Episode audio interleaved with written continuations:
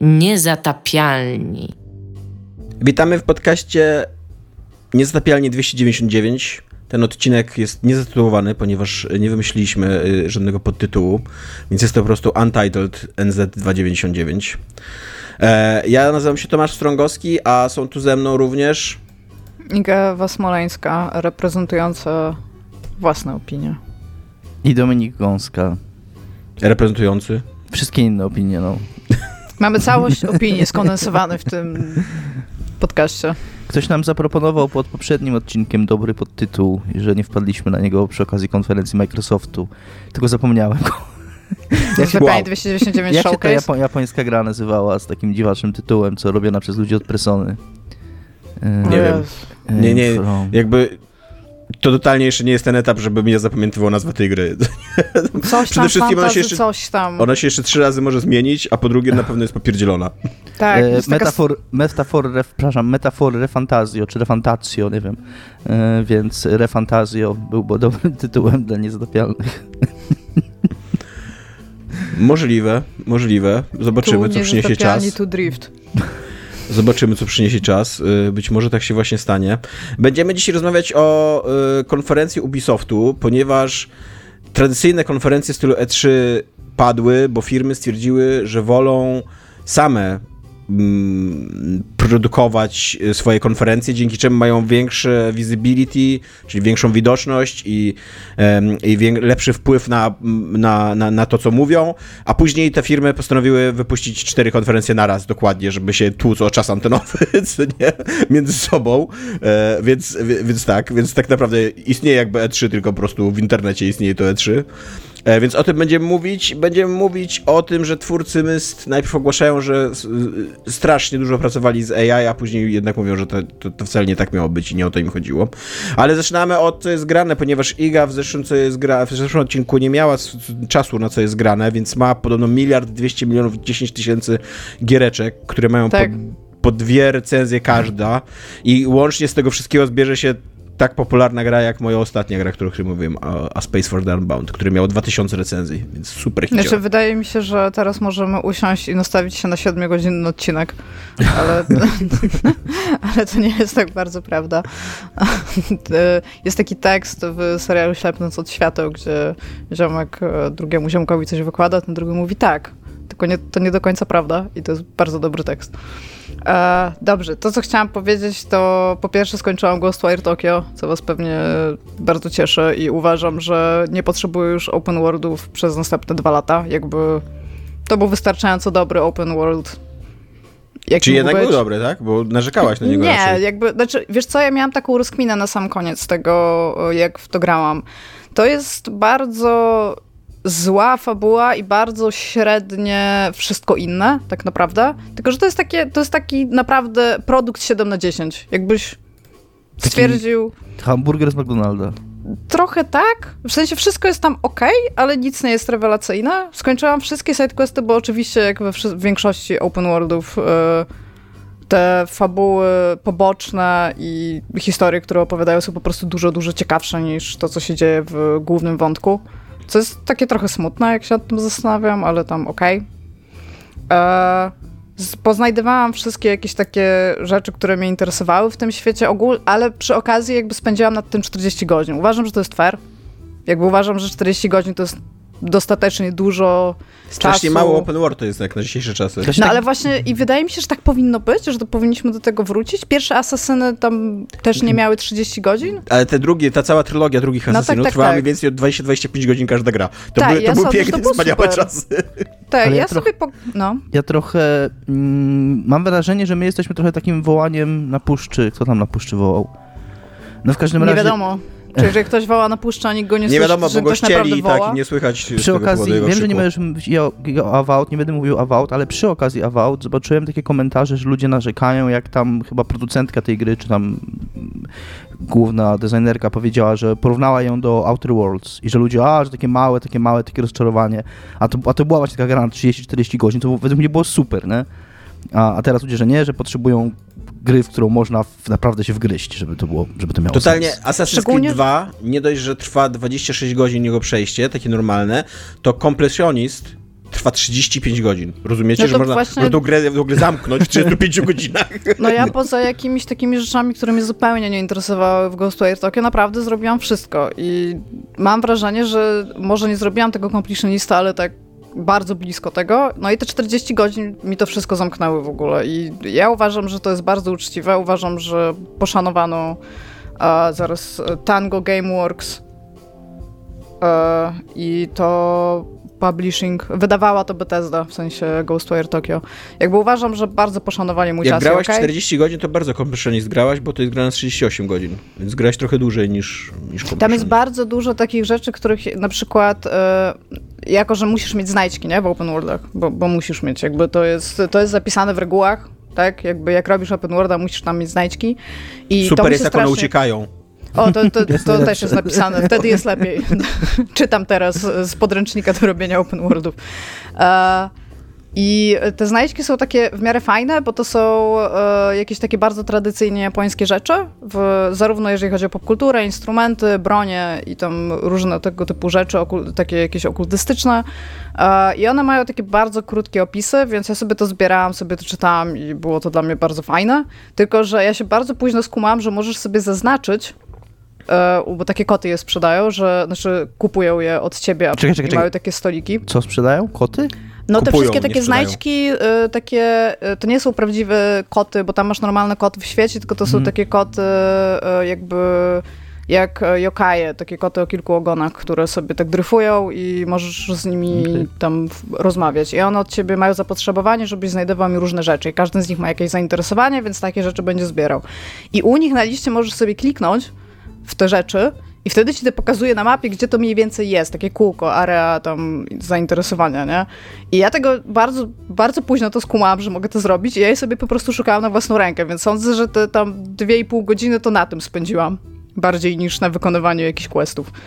A, no i jakby, jeżeli chodzi o gry 7 na 10, to jest bardzo uczciwe. Miałam taką myśl, tylko to jest pewnie dlatego, że jednak jestem bardzo na świeżo po Ghostwire Tokyo. Ja się naprawdę zaczęłam zastanawiać, czy to jest jakby lepsza gra, gra od Cyberpunka i nie ze złośliwości, tylko fired, przez to, tylko przez to, że, bo Ghostwire Tokyo y, w tej fabule, co Dominik oglądał tą półgodzinną cutscenkę, bardzo szybko pokazuje, że tam nie będzie ludzi. Że to będzie, pu- że to będzie pusta Shibuya jakby, tak? I, znaczy Shibuya i tam okolice w Tokio, tak? A, I że jako, że wiesz, że tam będzie pusto, to się tam nie spodziewasz nie wiadomo czego, tylko głównie przeciwników tam zostały psy, koty i okaje ogólnie, nie? I jakieś dusze poszczególne. I przez to, że wychodzisz z tego założenia, to wiesz, że to miasto będzie w cudzysłowie puste, ale tam są aktywności, które możesz wykonywać. Co by bronić tutaj Cyberpunka, to ta gra, jak się w nią grało tuż przy premierze, też bardzo szybko pokazywała, że jest rozpieprzona technicznie i że dalej będzie jeszcze gorzej. Tylko, że właśnie tam przez to, że łaziłeś po miejscach, które ci się wydawały super ciekawe, bo one były ładnie zrobione, tak? W sensie te budynki i miasto, miałeś wrażenie, że tam powinno coś być i one dlatego się wydawały takie puste, bo Tam nie było za każdym robić. razem tak, jak szedłeś i się spodziewałeś przygody i nie było, a Ghostwire Mhm. Tokyo przez to, że oni się w ogóle tego nie obiecują i nie masz takiego wrażenia, jak w to grasz, to w jakiś sposób to czyni ten aspekt jakby lepszym, bo się bardzo długo zastanawiałam, czy, czemu mi się tak wydaje. Oczywiście ma dużo gorsze, gorsze sceny dialogowe niż Cyberpunk, ale wydaje mi się, że przez to, jak, w jakim stanie w ogóle wyszedł Cyberpunk, ona jest taka, Ghostwire Tokyo jest bardziej koherentna, w sensie jest taka jakby no, bardziej dorobiona jest po prostu. I też pewnie nie pomaga fakt, że gram w nią pewnie rok od premiery jeszcze z jakimś dodatkowym kontentem, tak? Więc no też mieli czas nad nią przysiąść. Natomiast jakby ja wciąż uważam, że to jest bardzo ok 7 na 10 i jeżeli chcecie pograć w krótkiego open worlda to sobie, i lubicie Japonię, to Ghostwire Tokyo jest w tym jest ok, ale ma okropną początkową cutscenkę, o Jezu. Maria. O Jezu, do więzienia wszystkich po prostu z Tango Gameworks. Dobra, więc skończyłam Ghostwire Tokyo, mam wyrzucone z siebie open world. Jak mi się wydawało, że chcę do nich wrócić, to już wiem, że na razie nie. Ale to, co jest e, super dla mnie ważne w ostatnim czasie i co już pisałam Dominikowi i Tomkowi, kupiłam sobie w dobrej promocji Amigę 500 Mini, więc mam więc mam Amigę.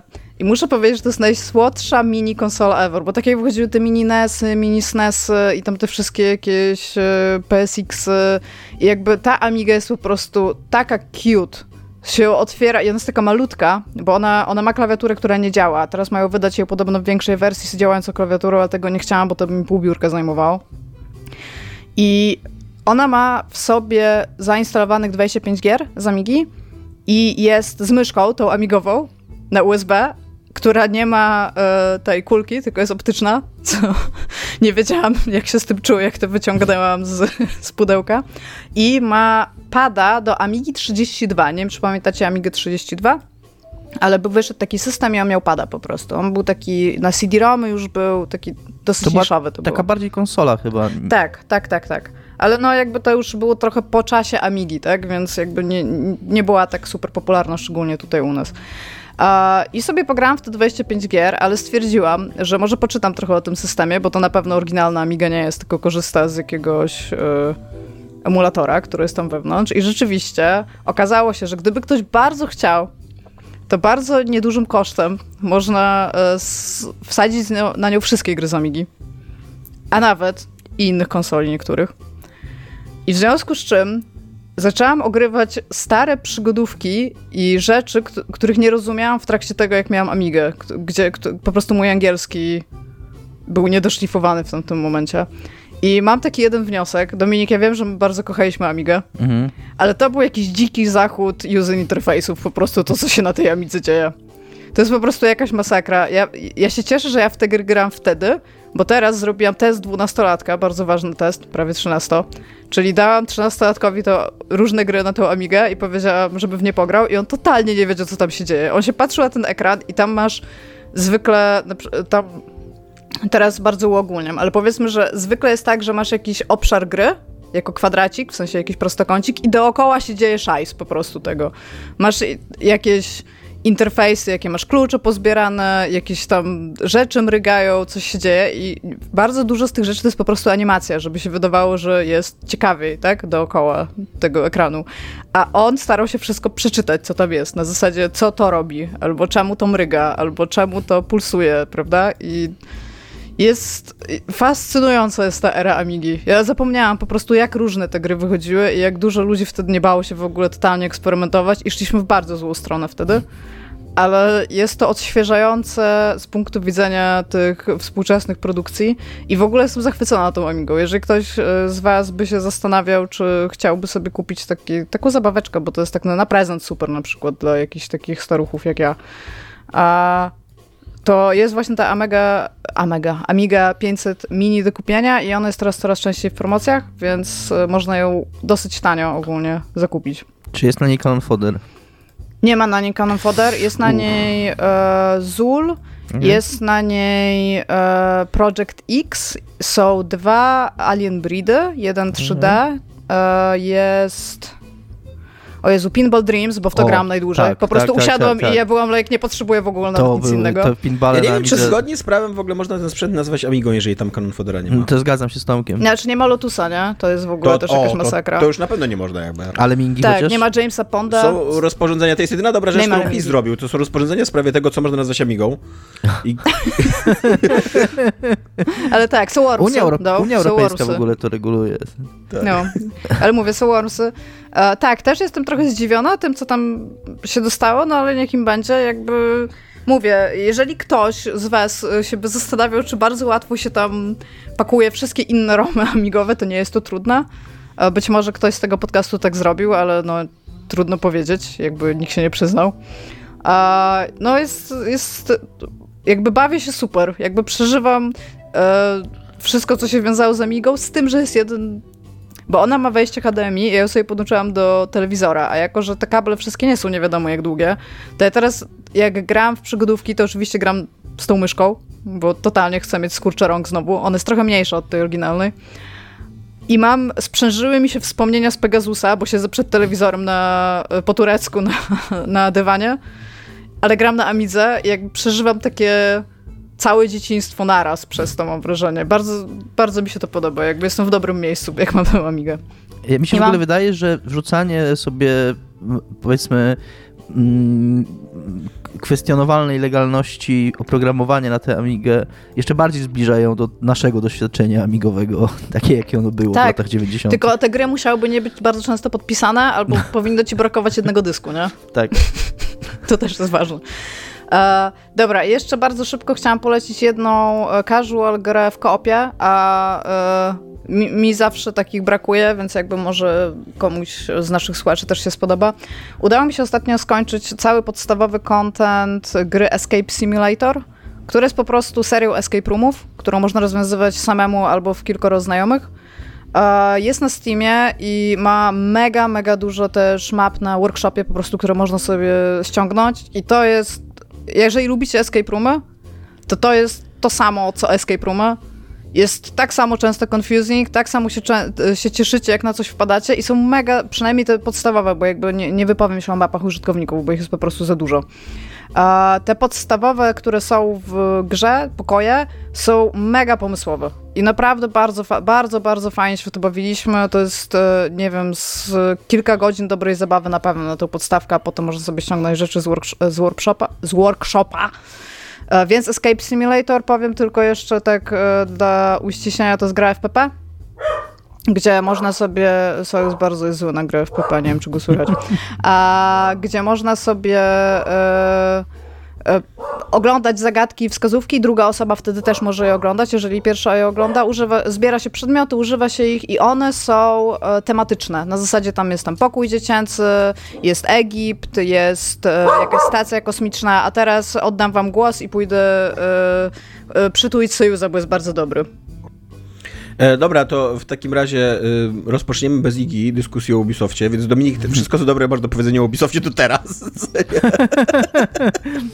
nie mam. Ja może zacznę, jako że już no. był Assassin, to zacznę od tego, że e, pokazali fragment rozrywki Assassin, Assassin's Creed Mirage, Mirage, Mirage, chyba się tak mówi. Chyba tak. E, Assassin's Creed Mirage, który się będzie działał w Bagdadzie, więc y, to jest w ogóle super, super ciekawe dla mnie, że się będzie działał w Bagdadzie. W ogóle te takie klimaty bliskowschodnie wydają mi się super dla, dla takich gier. Zwłaszcza, że asasyni pochodzą z tego jakby z, z tego kręgu kulturowego, więc to ma sens. E, i, e, I wygląda na to, że to właśnie rzeczywiście będzie taki klasyczny asasyn w starym stylu, gdzie będziesz asasynował ludzi, nie prowadził jakiejś wielkiej polityki. Było trochę dialogu o jakichś tam, o takich quasi-gildia, gildiach. E, tego nie pokazywali na, tym, na tej rozgrywce, więc, więc może tego nie będzie, ale jak w kascence było, że tam się rozdzielają ja idę się zająć tą dzielnicą, ja idę się zająć tą dzielnicą i tak dalej. Więc możliwe, że gdzieś tam w przyszłości będzie, że ty, ty się będziesz musiał zajmować tymi dzielnicami, nie? E, I jedyne, co jest, wydaje się jakoś nowe, to ta umiejętność e, zabijania kilku postaci naraz. Jakaś taka półmagiczna, półasasynowska umiejętność, że jeżeli będziesz grał, z, mm, się skradał i, i jeżeli nie będziesz wykrywany i tak dalej, to ona ci się będzie ładowała i dzięki temu będziesz mógł robić takie killstreaki tam trzech chyba akurat na, na, na filmiku pokazywali, e, że się zabija i ja to kupuję jakby, jakby mm, mówię, jestem, jestem gotów trochę wrócić do Asasyna, to jest, jeżeli będzie trwało 25 godzin, to, e, to, to być może e, Mirage będzie moim, moim oknem, żeby wrócić do Asasyna e, i, i, i nawet mi się to podobało. Dominik, czy tobie się to podobało? Czyli tak. czy ma znak jakości od Dominika? Jest znak jakości od Dominika, podobało mi się to. Też chętnie sobie przypomnę stare Asasyny, mimo że lubię nowe Asasyny, bo ja lubię wszystkie Asasyny. Mam w mnie w sercu bardzo dużo miejsca na Asasyna. Ale tak, bardzo mi to podziałało na nostalgię, bardzo mi podziałało na nostalgię w ogóle ta informacja, że będzie jeszcze ten filtr graficzny w ogóle, żeby sobie zrobić, żeby taka wyglądała, wyglądała tak niebiesko jak, jak jedynka.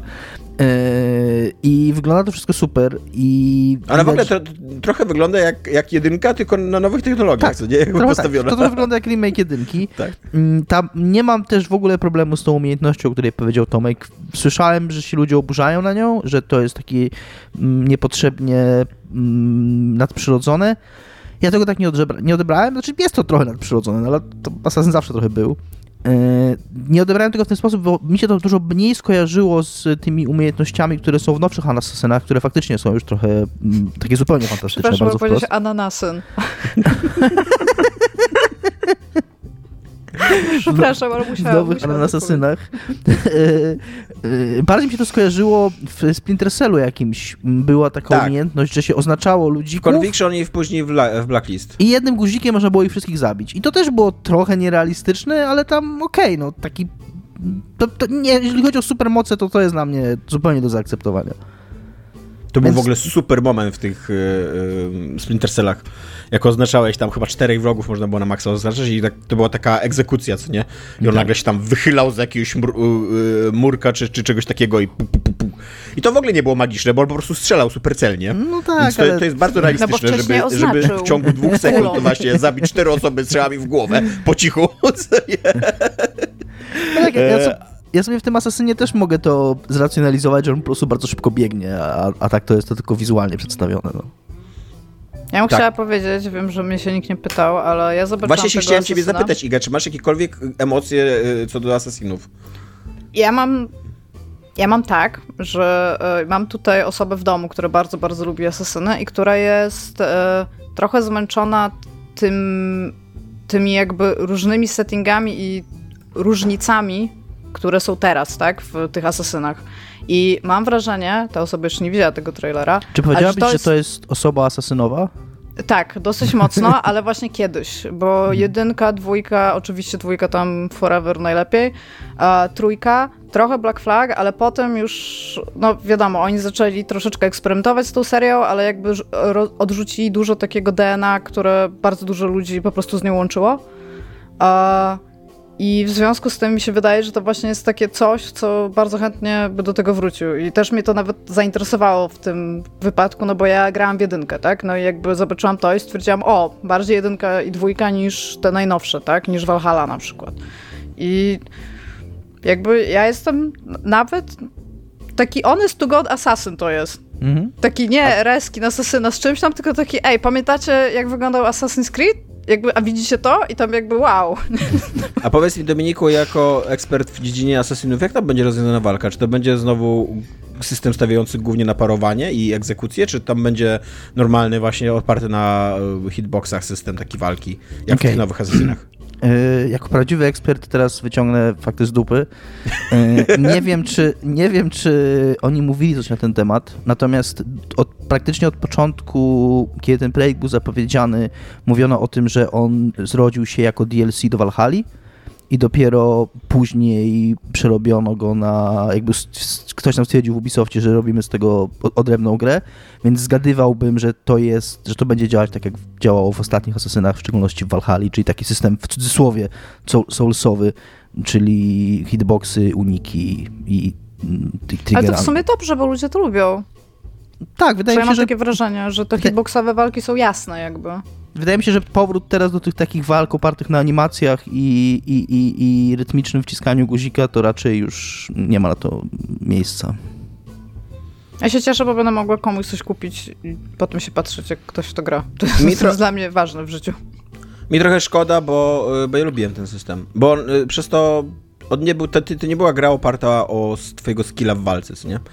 E, tylko właśnie de facto jak już wchodziłeś w jakąś walkę, to tylko cię tam tłumem potrafili, co nie, przytłoczyć, a byłeś takim totalnym mordercą w, w takich pojedynkach jeden na jednego i mi się to nawet podobało, taki... Było to oczywiście proste, jakby rozumiem krytykę tego systemu, ale było to jakieś, mi się wydaje, jakiś taki charakter asesyna do, dobrze oddawało, co nie? Że to jest typ, który tam w, właśnie w pojedynku jeden na jednego, czy tam nawet trzech na jednego, no zawsze wyjdzie zwycięski.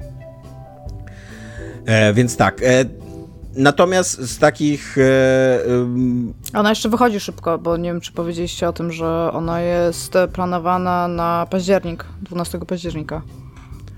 E, natomiast z takich e, uderzeń z przeszłości e, to również wychodzi Prince of Persia.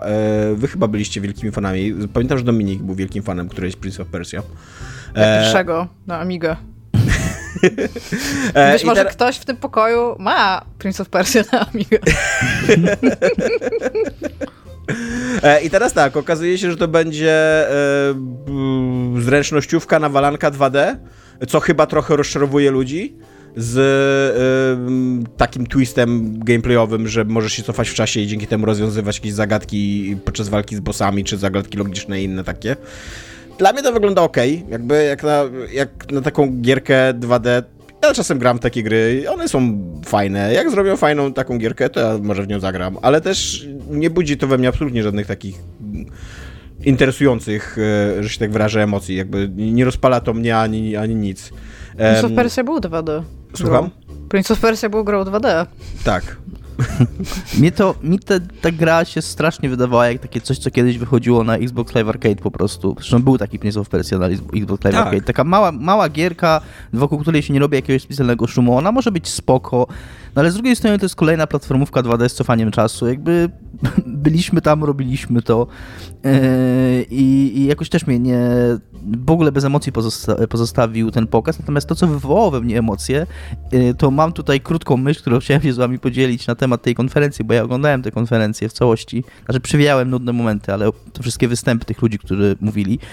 I pan, który się wypowiadał na tej grze, o tej grze, znów jakiś tam główny producent, czy reżyser, czy jakkolwiek to się nazywa, no head w każdym, ten człowiek rządzący. Głowa gry. Głowa gry.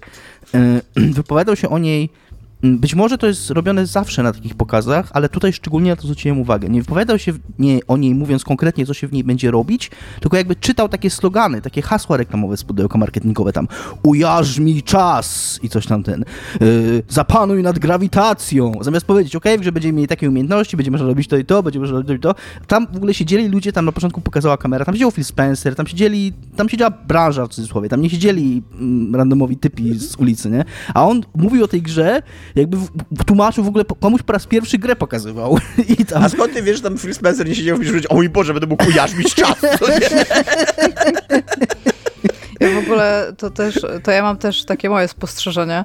E, czasami mi się pokazują, jak mam e, Epika włączonego, te takie pop-upy w Streja wyskakują. Wiecie o co mi chodzi? Tak, Tak. nad zegarkiem w Windowsie. Tak. I w ogóle sam fakt tego, że my się tak uparliśmy, żeby tłumaczyć e, te copyrighty, e, właśnie te hasła reklamowe na język polski, bo mam tego Epika po polsku, bo język angielski się bardzo skupia na czasownikach, jeżeli chodzi o gry. U nas jakby to jest po polsku, to niekoniecznie brzmi po polsku. Właśnie ujarzmi czas, albo tam, no to No. oczywiście, że po, po angielsku to ma totalnie kurde sens jako hasło, nie? I jakbyście sobie zwrócili uwagę, co jest napisane, to tam się robi taki baruk językowy po prostu, wszystko, co tam jest napisane, że czasami lubię sobie tam wejść i tylko i wyłącznie po to, żeby przeczytać to najprawdopodobniej generatorem, po prostu tam translatorem przetłumaczone coś, zamiast zatrudnić copywritera, który by to ładnie napisał po polsku, tak? Jakby no, ujarzmić czas. Dominikowi takie- się tylko raz udało. To prawda. To prawda. Jest takie przeświadczenie, nie wiem czy to jest prawda, ale cały czas ono się w marketingu giereczkowym y, ono pokutuje, że musi być call to action zawsze, że każde hasło na zwiastunie, na ty musi być zrób to, u, umieść to. Mm, Dlatego Ja rozumiem to, tylko że właśnie ta kalka, ja to wszystko rozumiem, tylko po prostu uważam, że jak masz nasycenie tego właśnie szczególnie w, na przykład na, sk- w sklepie, tak, typu Epic i że każdy opis gry, na przykład ja bym chciała wiedzieć, co to jest za gra. Tak, dosłownie tam, że to jest tam platformówka 2D, w której masz takie i takie tam ten. I rozumiem też, ujarzmi czas, tak? Tylko jakby. no to w sumie czy, czy możemy robić to lepiej, jakby? W zasadzie, w zasadzie mam ten sam zarzut, bo ja też wolałbym, żeby ten pan po prostu mi prostymi słowami powiedział będziesz tym ludzikiem tutaj biegał, ludzik chodzi, ludzik może skakać, ludzik może cofać czas, tak to działa, tak to wygląda, nie? I Ale wiesz, nawet Właśnie można też, by było, wiesz co, teraz Oliga- możesz ujarzmić czas. Kropka, tak? A nie wydaje mi się, że czas. żebyśmy, Wydaje mi się, że żebyśmy mogli robić to lepiej, to najpierw po polsku, to najpierw musimy to robić lepiej po angielsku, bo też te opisy przecież zazwyczaj to jest właśnie taki... No, one tak brzmią, jakbyś tam w ogóle wszystko mógł zrobić, co nie w tej grze. Jakby tam w ogóle... One ci dawały takie możliwości w ogóle zmiany czasoprzestrzeni, w ogóle budowy, budowy miast, niszczenia cywilizacji, wiesz, i co zdanie, co tam jest Niszcz podbijana, jeszcze cywilizację. stawka, co nie? Popełni genocyd. Stań się Bogiem! Swoją drogą jeszcze w tym Persia temacie, 2. w tym temacie skojarzeń, możliwe, że już to kiedyś mówiłem, ale znowu przy, now. znowu przy okazji tych trailerów i pokazów mi się to przypomniało, że od kiedy Blizzard wymyślił, żeby nazwać stronę Hearthstone'a playhearthstone.com i okazało się to jakimś w ogóle totalnym hitem, że właśnie było to play w y, adresie strony, to, to od teraz każda gra, każda gra, szczególnie jakaś taka z elementami multiplayer ma play i tytuł gry.com. Ja chciałam tylko powiedzieć, że play hard Stone. Wiem, że tam jest hard, ale... Nie Hearthstone, tak. E, ja tylko jeszcze dorzucę tutaj na koniec, mam taką, e, e, takie przemyślenie, że jakkolwiek nie czekam na, to, na tą grę, e, znaczy e, to też w nią nie za bardzo wierzę, bo Ubisoft wydawał już platformówki takie akcji 2D, mm, znaczy 2,5D, co nie to się nazywa, i, e, i to były asasynowe platformówki i z tego, co ja się orientuję, to żadna z nich nie była dobra, ciekawa i, i wciągająca i tak dalej. E, nawet Dominik, chyba ty się nie, nie, nie wciągnąłeś w nie za bardzo, co nie? Grałem z jakąś godzinę czy półtorej No tego chińskiego i to było fajne jako, taka, jako takie nowum, takie, że o, Assassin 2D i na początku to było fajne, po czym mi się znudziło i tak w ogóle nie pamiętam o tej grze. No właśnie, ja, te, ja też próbowałem, ja chyba nawet godzinnie grałem, ja tam chwileczkę grałem w to. E, i, I też pamiętam, że recenzje były takie przeciętne, więc, więc nie wiem, czy koniecznie te, tam to skrzydło Ubisoftu, który robi te gry, bo podejrzewam, że to jest jakiś jeden zespół, skoro jakby potrafią coś takiego robić, no to czemu miałby to robić jakiś inny zespół? Czy, czy rzeczywiście potrafią to robić? E, czy, czy to jest to, co, w czym są dobrzy? Dobra, Gwiezdne Wojny. E, to, to jest w ogóle tak wspaniała sytuacja, jeżeli chodzi o, o, o te konferencje, bo tak, bo na, najpierw o Microsoftu zobaczyliśmy filmik, który ja zresztą pom, jakby pomyliłem, nie wiedziałem w ogóle co to jest za produkcja, a później, chwilę, chwilę później, dosłownie następnego dnia, Ubisoft pokazał kawał dużego gameplayu, który, jak tutaj z Igą już gadaliśmy przed, e, przed nagraniem, jest taki dosyć nudnawy, taki... Żaden To, to, jest. wygląda, to wygląda jak bardzo kompetentny open world, nie? Bo tam y, chodzisz sobie, skradasz, zabijasz ludzików, jest y, Masz sekwencja jak... fretkę, Słucham? Ludzik chodzi, masz state- fretkę, aksalotla. Tak, tak, masz, ludzik masz, chodzi, stateczek lata. tak, masz sekwencję jak wylatujesz z planety do kosmosu, to jest z jakiegoś powodu bardzo ważny dla bardzo wielu graczy. Nie wiem, nie rozumiem do końca dlaczego ten etap przechodzenia przez atmosferę, że, żeby on był w grach, co nie, tam. E, można sobie postrzelać się w kosmosie, można wziąć jakieś tam questy. Ta bohaterka jest takim Star Warsowym outlawem, takim klasycznym. Taki Han Solo, tylko Tak, tak, w tak. no. Tylko, tylko to wszystko wyglądało jak pierdyliard innych gier, które już widzieliśmy, z czego 90% z nich zrobił Ubisoft wcześniej, co nie? Tak. Więc, yy, więc yy, nie wiem, no tak... No, Okej, tam będzie jeszcze- ta gra? Jeszcze pokazałeś, że masz jakieś wybory w questach i zdecydowałeś się to pokazać w questie, gdzie przychodzisz do babki, obok której siedzi babka z Imperium, którą możesz, możesz jej dać łapówkę lub nie i jeżeli, bo tam nie, nie dają łapówki i mają przez to krótką strzelninę w kosmosie, albo jeżeli dasz jej łapówkę, to pewnie nie masz tej strzelniny i tam kończysz questa. Więc jakby mega branching, guys. Brawo. E, Choices and consequences as fuck, że tak powiem. e, ja albo, albo nie, albo dajesz tą łapówkę i ona mówi, nie, nie dasz mi łapówki, nie dam się przekupić i jest wszystko dalej tak samo. Być może, być może nigdy się nie Ja dowiemy, prawda, dopóki nie zagramy. A nie, ja, ale też ogląda... ja też oglądając, nie, nie wiem czy pamiętacie z The Wire taką scenę Where, Where is Wallace? Jest tam, e, Wallace to jest taki, taki nastolatek, który zostaje zamordowany i, i jest kłamstwo na ten temat, dosyć ważny jakby w fabule, że, że jeden z głównych bohaterów nie wie, że on został zamordowany przez, e, przez organizację, w której on pracuje i on, i, i, on właśnie tak dramatycznie krzyczy Where is Wallace w pewnym momencie? Where, is, where the fuck is Wallace? Nie? Ja miałem, oglądając te, te Star Warsy, miałem takie Where the fuck is Beyond Good and Evil 2? Co nie? Jakby robicie już open world w kosmosie, od lat, to jest najdłużej powstająca gra w ogóle w historii już, tam jakiś rekord Guinnessa chyba dostarcz, coś takiego, co nie? I co z nią, jakby? E, Ja mam dwie uwagi. E, Po pierwsze chciałem odpowiedzieć na twoje retoryczne pytanie, gdyż po to tu jestem najwyraźniej. Jest to funkcja, którą ktoś musi spełnić, tak? E, Wydaje mi Znaczy, się, że wydaje mi się, że właśnie definicją retorycznego pytania, że to nie, nie, trzeba spełniać tej funkcji.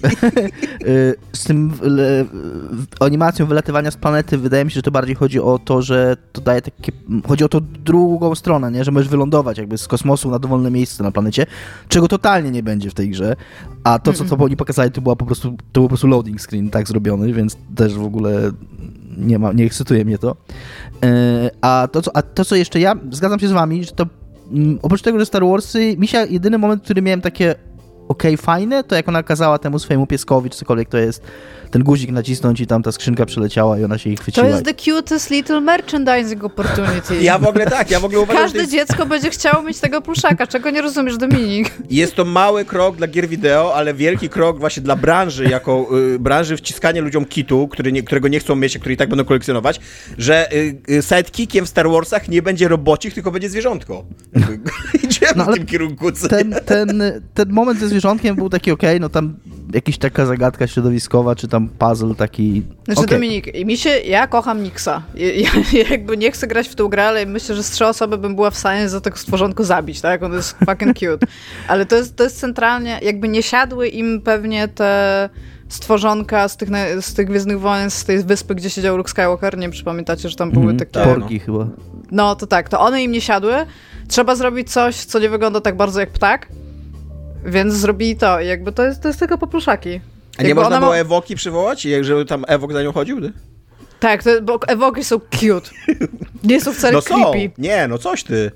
E, To właśnie jakby e, e, teraz mm, otwieram książkę do historii kina. Znaczy, ja wiem, po Dzięki co temu, były że w trzecich Gwiezdnych Wojnach, tych oryginalnych trzecich, czyli w szóstych, w Powrocie Jedi, pojawiły się ewoki to, i, i zaczęto robić się pluszaki i tak dalej, to odkryto właśnie potęgę merchandise'u, co nie?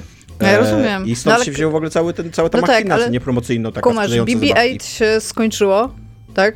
Jakby nikt już nie chce BB-8, BB-8 to jest yesterday news, więc no teraz mamy aksalotla pluszowego. No każdy w życiu chciał mieć aksalotla, a jeżeli by jeszcze mógł z tyłu biegać jak Fredka, to by już w ogóle było najlepiej. Tak też chciałeś, Dominik, nie patrz się tak na mnie. Mm, Ciągle okej, chcesz w okej. sercu. Marzysz o aksalotlach. A druga rzecz, która jeszcze mnie uderzyła, to, to z jednej strony ta gra wygląda, tak jakby ta gra była rwana z dwóch stron, przez dwie wizje, bo z jednej strony widać, że to będzie taki open world Ubisoftowy, ale z drugiej strony oni pokazali liniową grę akcji. Yy, więc to też jest takie, jakby to była po prostu liniowa gra akcji na 10 godzin, to byłbym nią dużo, dużo bardziej zainteresowany. A O, wiem, tak, że to będzie by open było world. super, ale tak nie będzie, bo właśnie ona nawet sugeruje na samym końcu, po- końcu No właśnie. końcątku, czyli początku i końcu. E, jak się ten robot pyta Elo, tam mordo, dokąd lecimy? I ona mówi, dokąd tylko chcemy. I to jest takie, a, No. to, to, że ja, że gracz mogę gdzie tylko chcę, tak? To nie jest prawda, ale I get you there, jakby już rozumiem. I oni ci sprzedają, że w tej grze będziesz latał do tych wszystkich miejsc i w każdym miejscu będziesz czekać taka przygoda tak wyreżyserowana, jak była pokazana tam. A nie, 90% czasu będziesz chodził, zbierał znajdźki i zabijał ludziki w, w miejscach, będziesz- zbierał rzeczy i robił z nich inne rzeczy. No. Wiesz, mamy też taki system dialogowy, gdzie będzie cały czas model, jakby różny model, ale na tym samym podstawie modelu, tak żebyś nie widział, co sobie podają z ręki do ręki i które będzie miał taki zbiór animacji zapętlonych zawsze, nie? Bo to też jest ważne. Ja nie czekam jakby, ale Mnie natomiast, y, mnie natomiast tutaj interesuje trochę, bo to jest dla mnie taki trochę blast from the past, y, bo taka gra, właśnie taka awanturnicza gra akcji już powstawała. Jakby y, y, robiła ją Amy Henning, więc też nie byle kto. To się nazywało Project Raktak i, i zostało zabite, jakby, bo, Tak, tak bo wtedy, wtedy nikt nie chciał tej gry, bo ona chyba była za droga i, i nie wierzyli w nią i tak dalej. Nie? I teraz pytanie, czy, te, czy, te, czy coś z tego projektu Raktak będzie brane, czy to jest. A to nie robiło EA? To właśnie to robiło Electronic Arts, ale niekoniecznie, mm, wiesz, to co oni tam robili w trakcie należało do nich, no bo No nadal tak. to robili na zlecenie Disneya, co nie? To może Bo- należeć do, bo do Lucasfilm Games, No tak to właśnie. się chyba nazywa teraz. Jest taka możliwość. No, więc Ciekawe, cieka- ciekawe. czy, czy te projekty są jakoś powiązane, czy, to nie, czy co, coś tam przecieknie, czy nie. I ciekawe też, co się zmieniło, Znaczy, że nagle ja chcą bym- taki projekt, co nie? tak, właśnie ja bym chciała powiedzieć, że o ile ja już dawno spadłam z tego wózka Gwiezdnych Wojen i hypowania się tym i o ile to wygląda jak, tak jak Tomek powiedział, pewnie bardzo solidny open world Ubisoftu, oni mają już ten swój schemat, więc wiemy, co to będzie za gra. Tak, e, wydaje...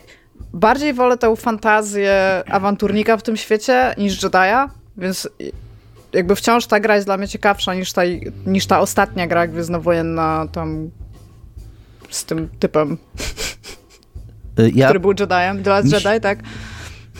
Mi się wydaje, że Amy Hennig w cudzysłowie robiła, bo wiadomo, że nie tylko ona, dla Electronic Arts y, bardziej taką liniową grę, to miało być takie bardziej Uncharted, No, pewnie e, tak, gwiezdnowojenne. I wydaje mi się, że two, odpowiedź na twoje retoryczne pytanie, co się takiego wydarzyło, że, że teraz nagle chcą tą grę, to być może sprawdzili po prostu, jakie Ubisoft ma wyniki ze sprzedaży DLC-ków i, i, i kosmetyków w Asasynach i że umieją robić te wszystkie live services i, i, i to, to się stało. Pewnie tak, pewnie masz rację. Dobra, i na koniec, y, jak ostatnio mówiłem, że y, zdumiał, mnie, zdumiała mnie bezczelność CD Projektu, że tak otwarcie czerpali z y, ucieczki z Nowego Jorku, tak dzień następnego dnia Ubisoft od bardzo dawna mówił, że robią grę awatarową. Bardzo długo ją robili, w pewnym momencie ona wydaje mi się, że straciła trochę sens y, po- jej powstawanie, bo awatar trochę opadł jako, jako marka, ale wyszła, wyszła dwójka awatara i znowu jest wielki ten i, i, i znowu ta gra wychodzi i pokazali w końcu tą grę i jest to dla mnie znowu cudownie bezczelna zagrywka, że to po prostu jest Far Cry, tylko, Tak. tylko na, s- na skórce awatara i jakby tak, kurde, ja, jak ja mogłem na to nie wpaść? dlaczego ja się w ogóle zastanawiałem, jak ta gra będzie wyglądała? Nie, ta, ta odpowiedź leżała tuż przed nami.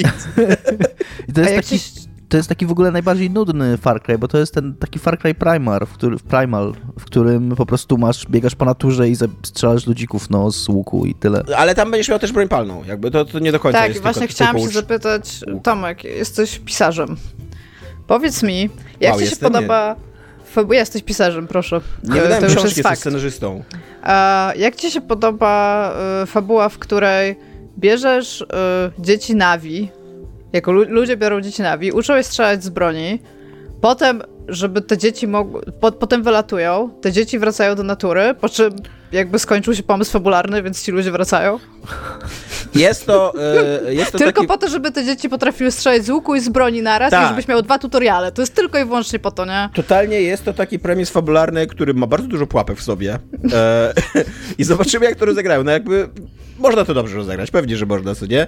Ale z drugiej strony można to też rozegrać. E, Awatar już jest e, krytykowany za to, że jest dosyć mało wrażliwy na jakieś takie, e, taką perspektywę tych e, pierwszych narodów i, i, i rdzennych Amerykanów i tak dalej, bo, bo to wszystko jest na ich kulturach e, To jest i na ich wszystko historii też, nie? w ogóle, tak, no.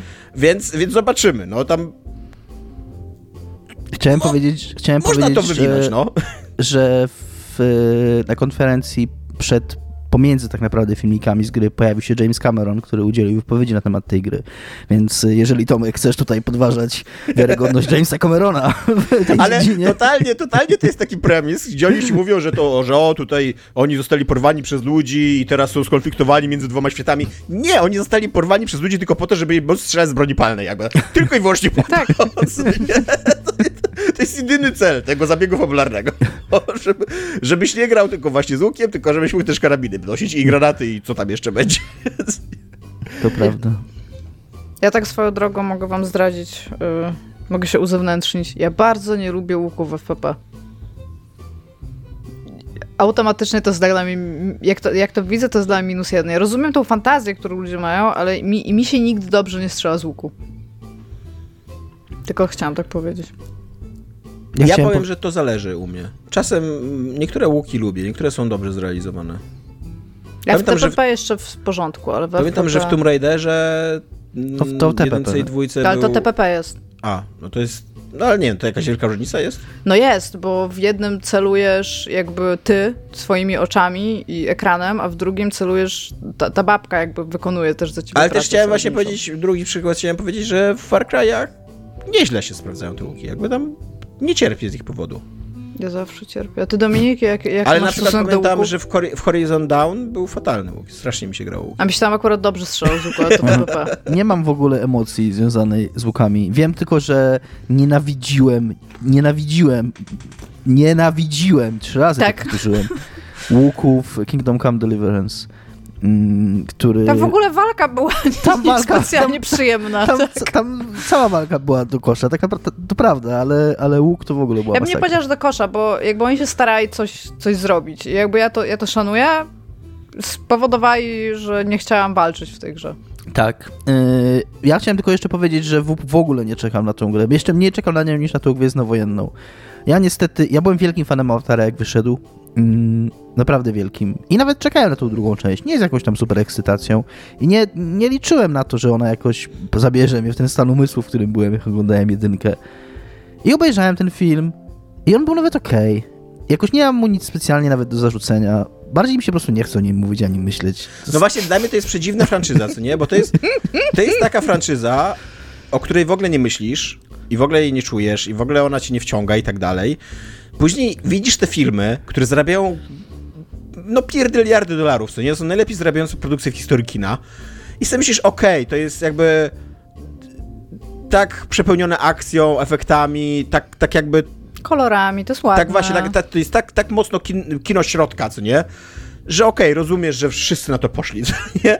Ale później wychodzisz z tego kina i właśnie totalnie, ja też nigdy nie chcę wrócić do tego. On mnie nigdy nie interesuje jakoś tak bardzo, żeby, żeby tam zgłębić, żeby te rośliny, za każdym razem jak tam James Cameron mówi, że on tam właśnie wszystkie roślinki zna na tej planecie, że tam są jeszcze w ogóle inne, inne plemiona, tak, jest jeszcze plemię kurwa ognia i będzie jeszcze plemię powietrza pewnie, co nie? Albo Plemię ziemi. trucizny. I plemię trucizny i plemię prądu. I będą cię uczyć po kolei swoich mocy, bo to jest ważne, żebyś... I te- tak, e, właśnie ty to- będziesz tym, który jednoczy plemiona przecież, prawda? Bo to jest przecież logiczne, że będziesz, no. Tak, totalnie mam takie wrażenie, że jak George Lucas mówi, że zna wszystkie te roślinki, to, to rozumiałem, że kogoś to może interesować, ale jak Cameron mówi, że zna wszystkie, to mówię, stary, kawał życia straciłeś na wymyślanie tych roślinek. Nie jest to te, też w ogóle nie, cierp, nie, nie tęsknię za tym, za tym światem. Dominiku, a co jest grane u ciebie? E, Tomku i Go, mm, ściągnąłem przygodówkę Szanowni darmową. słuchacze i Wysoki Sądzie. Tak, w Wysokim Sądzie. Pani prokurator, głupia sprawa, ściągnąłem przygodówkę. Przeczytałem gdzieś, przeczytałem gdzieś, gdzieś mi mignęło, mm, że jest taka gra, nazywa się The Third Wish i zrobił pan, który nazywa, nazywa się George Broussard? Br- Bro, Broussard się go pisze, nie wiem. Powiedziałbym George Broussard, no. Broussard, no też bym powiedziała. Y, Jest to amerykański designer, współzałożyciel Apogee Software, y, znany głównie z, z bycia współtwórcą gry Duke Nukem i Duke Nukem 3D. I, I on od jakiegoś czasu robi sobie takie małe gierki i to, była, to jest gra stworzona na jakiegoś game jama przygodówkowego, zrobiona przez dwa tygodnie. Mm, I jest to tak, game jam. Tak, to jakiś taki, może to nie do końca game jamem powinno się nazywać, nie pamiętam jak to było określone, no ale Mhm. w każdym razie zrobiona przez dwa tygodnie. Mm, Jest to taka przygodówka science fiction, Powtórz która... tytuł, co? Y, The Third Wish. Trzecie Jest- życzenie. Jest ona dostępna za darmo na y, IO, jak to się nazywa? Y, itch.io. Ichio? Tak, tak. Można sobie ją ściągnąć, można sobie w nią zagrać. E, Co ciekawe, to jest taka przygodówka science fiction, której punktem wyjścia jest to, że jest sobie rodzina, która mieszka na jakiejś planecie daleko od Ziemi, mieszka na czymś, co się nazywa Moisture Farm, czyli farma wilgoci. I ich Hmm, jak w Gwiezdnych Wojnach. i ich pracą jest wy, wyciąganie wilgoci z ziemi i sprzedawanie jej jakiejś tam korporacji, z tego się utrzymują. Jest tam mąż, żona i, i, i, i ich syn. E, Tam nie będę streszczał fabuły, taki jest, taki jest punkt y, wyjścia, po czym tam przychodzi do nich jakiś stary Imperium. znajomy, przychodzi do nich stary znajomy, opowiada im historię o łapce, mm, łapce małpy, która potrafi spełnić trzy życzenia. Jakby więcej nie powiem, to gra trwa 40 minut. Łapce? Tak czyli jest- łapie, tak? Takiej łapie, łapie Monkey małpy. paw to się Monkey nazywa, paw, tak, tak. dokładnie, Mhm. dokładnie, Monkey paw. To w ogóle bazuje na jakimś opowiadaniu e, science fiction starym. Mm, To dopiero się z napisów końcowych dowiedziałem, że to jest adaptacja jakiegoś, jakiegoś opowiadania. E, I co ciekawe, ja- jak na grę zrobioną na Game Jam, jak to nie nazwać, przez dwa tygodnie, mm, ona jest krótka, tam z 40 minut mi zajęło jej przejście, ale jest naprawdę fajnie zrealizowana. To znaczy ma taką przyzwoitą pixelartową grafikę, która totalnie, no i ja coś... E, chciałam powiedzieć, że jest takie opowiadanie, nazywa się The Monkey's Paw. Mhm. To jest horror, napisany przez e, WW Jacobs. Dziękuję. Y, I no, można to nazwać trochę horrorem. Myślę, że. Bardziej mi się to kojarzyło z taką strefą trochę, co Zika ostatnio mówiła, tym takim Twilight Zone, strefą mroku, taki bardziej, tak, nie, że nie do końca horror, tylko że tam nawet jest tak w tym stylu, ja nie oglądałem nigdy tego serialu, no ale tam przez osmozę jest taki narrator, że tam właśnie opowiada, że na tej tutaj planecie żyje tam ten i Imagine ten. Tak, tak, tak. I teraz jego życie zaraz całkowicie się zmieni, coś takiego. I, więc to jest takiej konwencji zrobione. Ma Jest co fantastycznie sparodiowane to w Johnnym Bravo. w Tak. Scary Door. Imagine if you will. A narrator. To, że narrator, który nie mówi wyraźnie. Y, I jeszcze raz, jak na taką mało, mały projekt, mm, mówię, jest bardzo ładnie zrealizowany graficznie, ma pełny voice acting. Mm, Tam jest, są cztery postacie, ale wszystko jest, y, wszystkie głosy są podłożone. Y, I historyjka jest krótka, ale fajna i mile mnie to zaskoczyła ta gra. Ona nie jest niczym jakby wyjątkowym, nie nic w dziedzinie przygodówek nie, nie odkrywa. Ma tam cztery zagadki na krzyż w tej grze są. Y, Są raczej proste, tam jest kilka lokacji mm, i jest pewna, jest jedna zagadka z pewną decyzją designerską, którą nie do końca lubię, ale też trudno by mieć na nią szczególnie zły, raz jeszcze to jest gra na 40 minut, która się toczy na pięciu ekranach, nie? czy coś takiego. Yy, I bardzo przyjemna rzecz. I tak tylko chciałem podrzucić. Nie jest to rzecz, o której mam jakieś super wiele przemyśleń, ale super fajnie, że takie rzeczy powstają. I w ogóle fajnie, że jacyś tam ludzie, wiecie, z dawnych czasów, twórcy Duke Nukem, tam usiądzie na dwa tygodnie i zrobi coś takiego i, i i jest to naprawdę fajna, mała rzecz. Ja bym się chciał jest- ciebie zapytać tylko o jedną rzecz. Y, Dlaczego nie powiedziałeś najważniejszej rzeczy o tej grze? Jakiej? Najważniejszej informacji. Że ta planeta, na której dzieje się akcja, nazywa się Altair, tak jak pierwsza Assassin. tak, tak, to prawda. Dominik, ogarnij się. To prawda. Coś Iga jeszcze chciałeś spytać? Tak, bo powiedziałeś, że to jest twórca Duke'a Nukema, więc chciałam się zapytać, ile jest cysków w tej grze. Nie ma ani jednego cycka. Yy, Czy jest to dojrzała, nieseksistowska Jak gra? ludzie tak? się zmieniają. Nie, nie wiem, czy jest dojrzała, nie seksistowska. Jest, znaczy nie jest seksistowska. Czy jest dojrzała? Nie jest niedojrzała, tak powiem. Mówię, nie żałowałem 40 minut spędzonych przy niej i, i miałem takie, że kurde, fajnie, że coś takiego powstało i że jest za darmo i, i, i tyle. I więc mówię, nie mam jakichś super przemyśleń, ale jakby co, jakbyście chcieli fajnie spędzić 40 minut i lu- lubicie przygodówki, to polecam. Iga, co jest żyte u ciebie w takim razie teraz, żeby dać Dominikowi e, chwilę na e, ogarnięcie swojego tematu? To takie zrobimy, E, taki zrobimy plot twist. Dobra, ja przygotowałam co jest żyte i stwierdziłam, że ostatnio, że to jest po pierwsze fajna sekcja, bo możemy porozmawiać o bardzo, bardzo, bardzo, bardzo różnych rzeczach. I jak robiłam sobie takie mm, rachunek sumienia z tego, jakie media w ogóle poruszamy, to wiadomo, że zwykle poruszamy przede wszystkim operę, to jest 90% e, ogólnie naszego kontentu jest na temat sztuk operowych. Ale stwierdziłam, że bardzo, bardzo mało poświęcamy czasu muzyce. W sensie moglibyśmy więcej, bo jakby z tego co wiem, to tej muzyki trochę słuchamy. I w związku z tym przygotowałam takich kilka zagadnień, a nuż może jakiś słuchacz e, się zainspiruje tym, co my tutaj powiemy. I tak też uznałam, że to jest taki miły temat, raczej bez min, więc zobaczymy jak pójdzie. I chciałam się Ty, was czy, ja zapytać... czy ja się mogę ci wciąć, Iga, bo ja, e, przepraszam Dajesz. bardzo, ale tak, ale właśnie sobie przypomniałem coś.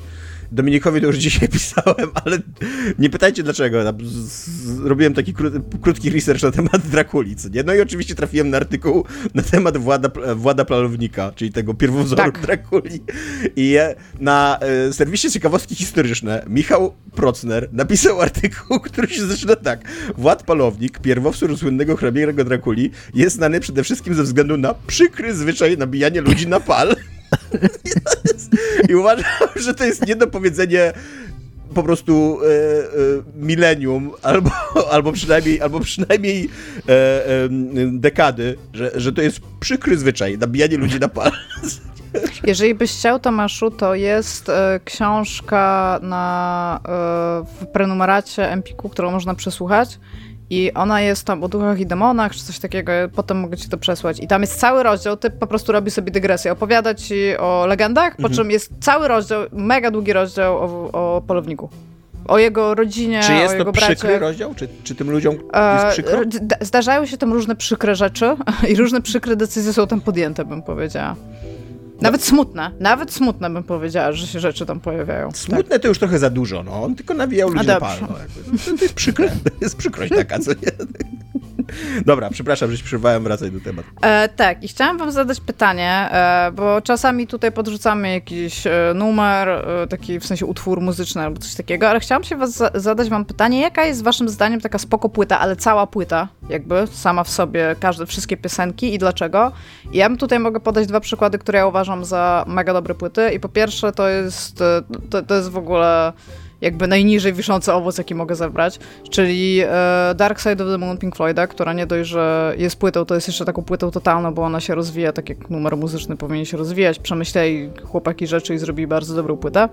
I druga płyta, żeby sta, sta, którą też uważam, że jest fantastyczna, a jest w zupełnie jakby innym podwórku, to jest e, płyta e, Offspring Americana, wydana przez Columbię. I do dzisiaj uważam, że to jest naprawdę mega dobra płyta. W sensie wszystko, co się na tej płycie dzieje, układ piosenek i każda piosenka po kolei to są bardzo, bardzo dobre piosenki.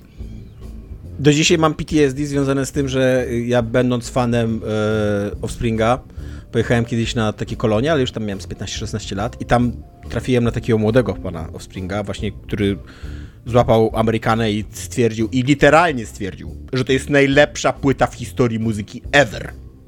A ja mu próbowałem... Tak bym nie poszła daleko. A ja mu próbowałem wytłumaczyć, że to nawet nie jest najlepsza płyta w Springa. że był Smash wcześniej i X Neon Ombre i to są lepsze płyty. E, właśnie, X Neon Ombre to jest po tak. prostu... E, ja w ogóle... Oczywiście, że pierwsze co pomyślałem, to, to były takie oczywistości i bałem się, że tutaj mnie zjedziecie, zjedziecie swoją... Bo dla, dla, mnie dobre płyty są dwie. Jest Nevermind i jest... Yy, Nevermind to też jest bardzo dobre. Właśnie jest The Fragile to, To jest... Yy, Nevermind to jest... Ja mam dwie odpowiedzi i moją pierwszą odpowiedź to jest Nevermind. Jakby... E, myślałem, tak, myślałem, że wyżej sobie stawiamy poprzeczkę po prostu i, i autentycznie sprawdziłem, co słucham ostatnio. E, jest, e, odkryłem ostatnio taki zespół z elektroniczną muzyką z przełomu lat 70. i 80. Ten zespół nazywa się Space Art. E, I wydali taką płytę, która się nazywa Space Art w nawiasie Onyx. Eee, I to jest kawał dobrej... Zespoły elek- elektroniczne nie potrafią nazywać utworów ani płyt. Czy możemy to jest kawał dobrej elektroniki, takiej, takiej elektroniki w stylu, kurde, programu Sonda. Pamiętacie taką elektronikę lat 70., mm. jak to jeszcze raczkowało, jak te syntezatory wszyscy odkrywali i tak dalej, co nie? Takie wczesne dźwięki komputerów i tak dalej, co nie? I właśnie taki kosmos, no bo wiadomo, elektronika to kurwa science fiction i kosmos i w ogóle podróże w czasie i tak dalej, co nie? Przepraszam, że przykrołem, ale trochę się podnieciłem. E, więc jakbyś... Czołówka przybyszy z Mat Planety. Tak, totalnie, bardzo totalnie. dobra elektronika, tak. tak. Jakbyście szukali dobrej płyty, właśnie takiej nieoczywistej, to, to, to, to ten taki... Onyx jest super i jest też super X taka składanka. Yy, oni w ogóle ogólnie chyba dali tylko 3 czy 4 płyty, to nie był jakiś tam zespół, który robił wielką karierę długo. I, w 2016 roku wydali taką składankę swoich najlepszych yy, utworów i to ona ma przedziwny tytuł. Onne Dirarien nie wiem, czy to coś znaczy w jakimś języku, ale jak sobie wygooglacie Space Art, to tam znajdziecie po prostu w dyskografii tą składankę jako ich ostatnią płytę, nie? E, więc, więc to jest tak, to jest moja odpowiedź. A jeszcze od, odnosząc się do twojej odpowiedzi, to zdecydowanie Pink Floydów najlepszą płytą to jest um, e, Shine On Your Crazy Diamonds. To jest moja Shine on you crazy diamond. Tomek i nieoczywiste odpowiedź u Tomka. Ja swoją oczywistą odpowiedź już podałem. Znaczy ja sobie dwie przygotowałem i pierwszą właśnie oczywistą z przeszłości jest to Nevermind i być może dlatego, że ja o tym wiele razy mówiłem, że dzięki tej płycie odkryłem, że w ogóle muzyka może być fajna, więc może dlatego, ale do dzisiaj ja sobie do niej wracam, ona nie, nie ma złej piosenki. Tytuł, e... przepraszam, y, tytuł albumu to jest Wish You Were Here. Już ci Dominik oddaję. Okay. E, nie ma na niej złej piosenki, natomiast z nowszych rzeczy mam też nową rzecz z płyta z zeszłego roku, 2022, zespołu amerykańskiego, który się nazywa And You Will Know Us by the Trail of Dead. E, a płyta nazywa się 11 Bleed Here Now, gdyż trzy ostatnich płyty mają 9, 10, 11 i tytuł. E, to jest płyta, którą poznałem dzięki Adamowi Piechocie. Ja tego zespołu nigdy nie znałem nigdy go nie słyszałem, mimo że jest to zespół istniejący od 94 roku, co mnie super zdziwiło. E, ja go poznałem e, przez tą płytę i to jest fascynująca płyta. To jest, e, to jest taka płyta, która jest jedną wielką przygodą i ja nie jestem jakimś super wiecie, muzykofilem, żeby, żeby ten tam sklasyfikować, ale w niej się strasznie mieszają różne gatunki muzyczne. Znaczy generalnie jest to rock gitarowy, więc tam od razu Tomek ci mówię, tak? Ale to jest bardzo różnorodny rock gitarowy. Tam ona się zaczyna jakimś takim... Czasami ma dwie gitary.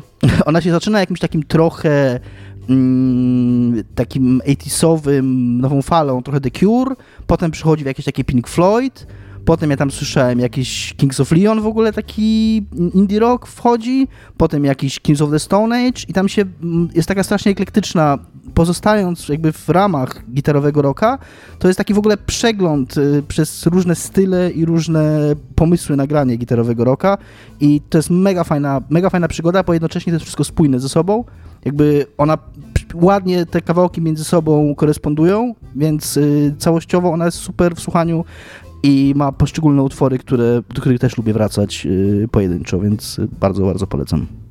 Ja, do, jeszcze- Dominik mnie to przeprosił w międzyczasie, bo ja jestem raczej fanem y, takiego gitarowego rocka, ale to zdradzę się, że też chciałem polecić tutaj jedną płytę, tylko zdecydowałem, że jej nie polecę, ale jednak ją polecę.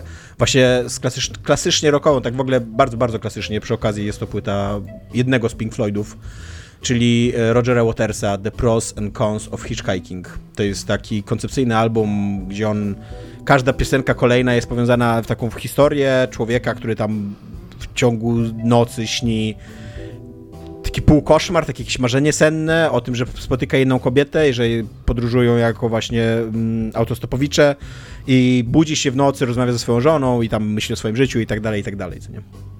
Jeszcze wpadłam na to, że David Bowie, który wydał bardzo dużo dobrych płyt, wydał też Hunky Dory, którą bardzo, bardzo lubię i Aladdin Sane, który... Ja myślę, że my dlatego nie rozmawiamy za dużo o muzyce, bo jakby nasza wiedza medyczna to jest e, Nirvana, Offspring i David Bowie.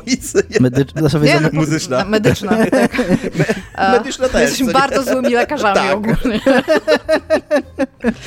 Nie, ja po prostu podałam te płyty, bo jakby ja wciąż uważam, że, że te płyty przy okazji, które znam tak, tak dobrze, tak, bo to też o to chodzi, że bardzo często na przykład masz jakąś płytę, która ma 90% dobrych kawałków i masz kilka takich, które są po prostu zapychaczami na tej płycie. I bardzo często teraz, jak zaczynam słuchać jakiejś muzyki, to o tym myślę, tak, Ja że w ogóle- na przykład Prowadzę grzeszne życie, którego Dominik nie pochwala. Ja prawie w ogóle nie, nie słucham albumów. Tak w całości. Prawie w ogóle. Robię sobie playlisty z ciekawymi utworami albo szukam jakichś playlist na... Jak zwierzę. Tak, jak zwierzę, totalnie jak zwierzę żyje. A nie masz tak, że jak na przykład ci się spodoba jakiś utwór, to słuchasz płyty, z którego jest ten utwór? Nie. To raczej wchodzę Okej. na profil autora i tam są wtedy najpopularniejsze piosenki od początku, co nie? Ci, I one są z różnych albumów, co nie? Według odsłuchań po Tak. prostu. I w to klikam. Rozumiem. Wiecie, że jest w ogóle coś takiego, co się nazywa Forgetify i to jest Spotify, ale wyszukuje utworów, które nigdy nie zostały zagrane? Jak to nigdy? Znaczy, No, nigdy... że jesteś pierwszą osobą, która słucha tego utworu, wrzucają na Spotify. I co wtedy? nie spodziewałeś się. Spoko. Dobra, e, to chciałam się was w takim razie zapytać, skoro jesteśmy w kierunku płyt, e, czy jest jakaś płyta, która was przekonała do zespołu i sobie słuchaliście tej płyty i to była ich pierwsza płyta na przykład i nie było nic więcej, po czym e, wyszła następna i tak bardzo zmieniła kierunek, że się po prostu stwierdziliście, że to nie jest to, co sobie wyobrażaliście i w którą stronę pójdą. Ja tak miałam i tutaj uwaga, kolejny kurde hicior z lat 90 z 90 z System of Down, którzy moim zdaniem wydali genialną pierwszą płytę i żadna ich następna płyta nie była kurde nawet blisko tak dobrej płyty, jaką jest ich pierwsza płyta. Ja tak mam, e, tylko trochę inaczej. bo, e, Bo nie słuchasz płyt Bo całych. nie słucham raczej płyt, tak, ale w latach moich licealnych e, trafiłem na anime, a anime, nie wiem jak to się czyta, bo tam jest to dziwne takie to AE, co nie połączone. Tula. E, I to była pierwsza płyta Tula, jaką ja przysłuchałem. I jestem totalnie zakochany w tej płycie. Za każdym razem, jak sobie przypominam, że ona istnieje i słucham, jest rewelacyjna. Cała od początku do końca. Zajebista płyta. Żadna inna płyta Tula mi się nie podoba. Jakby, totalnie to jest nie moja... W ogóle nie, Nie moja stylistyka, nie moja muzyka, nie słucham Tula, tylko Anima. A Anima po prostu wszystko 10 na 10, każdy utwór, nie? Tula. Ja mam coś takiego, ale to być może przez e, towarzystwo, w którym się wychowałam. Dla mnie Tool jest w jednym worku z komą. I wiem, że to jest bardzo nie okej To jest bardzo do Tula, tak, bardzo ale- niebezpieczne. Ryzykowna teza. Ale, ale wciąż, wciąż jakby tego e, Pussyfera bardzo lubię jako zespół, a Tool po prostu do mnie totalnie nie trafia. To jest... e, Nie wiem, może, może za późno zaczęłam go słuchać i miałam wtedy za mało trampek i 16 lat. Ja ale musiałem tylko po przypomnieć, że prostu- Iga tutaj reprezentuje tylko swoje własne stanowisko, jakby w tym podcaście się to, co bardzo podkreśla. Dominik, ty nie odpowiedziałeś jeszcze. Y, Jest taki angielskie duo y, synth-popowe nazywające się Hertz, które nagrało dwie, moim zdaniem, fenomenalne płyty, naprawdę, y, nazywające się Exile i Happiness i Exile z 2010-2013 roku. I ja poznałem to, ten zespół w czasie, kiedy się kumplowałem z takim człowiekiem mocno siedzącym w takiej właśnie gotowej, e, synth-popowej i darkwave'owej i takich, tak- takich tego typu klimatach i bardzo wtedy super słuchałem. W ogóle te, te płyty mam wielokrotnie przesłuchane.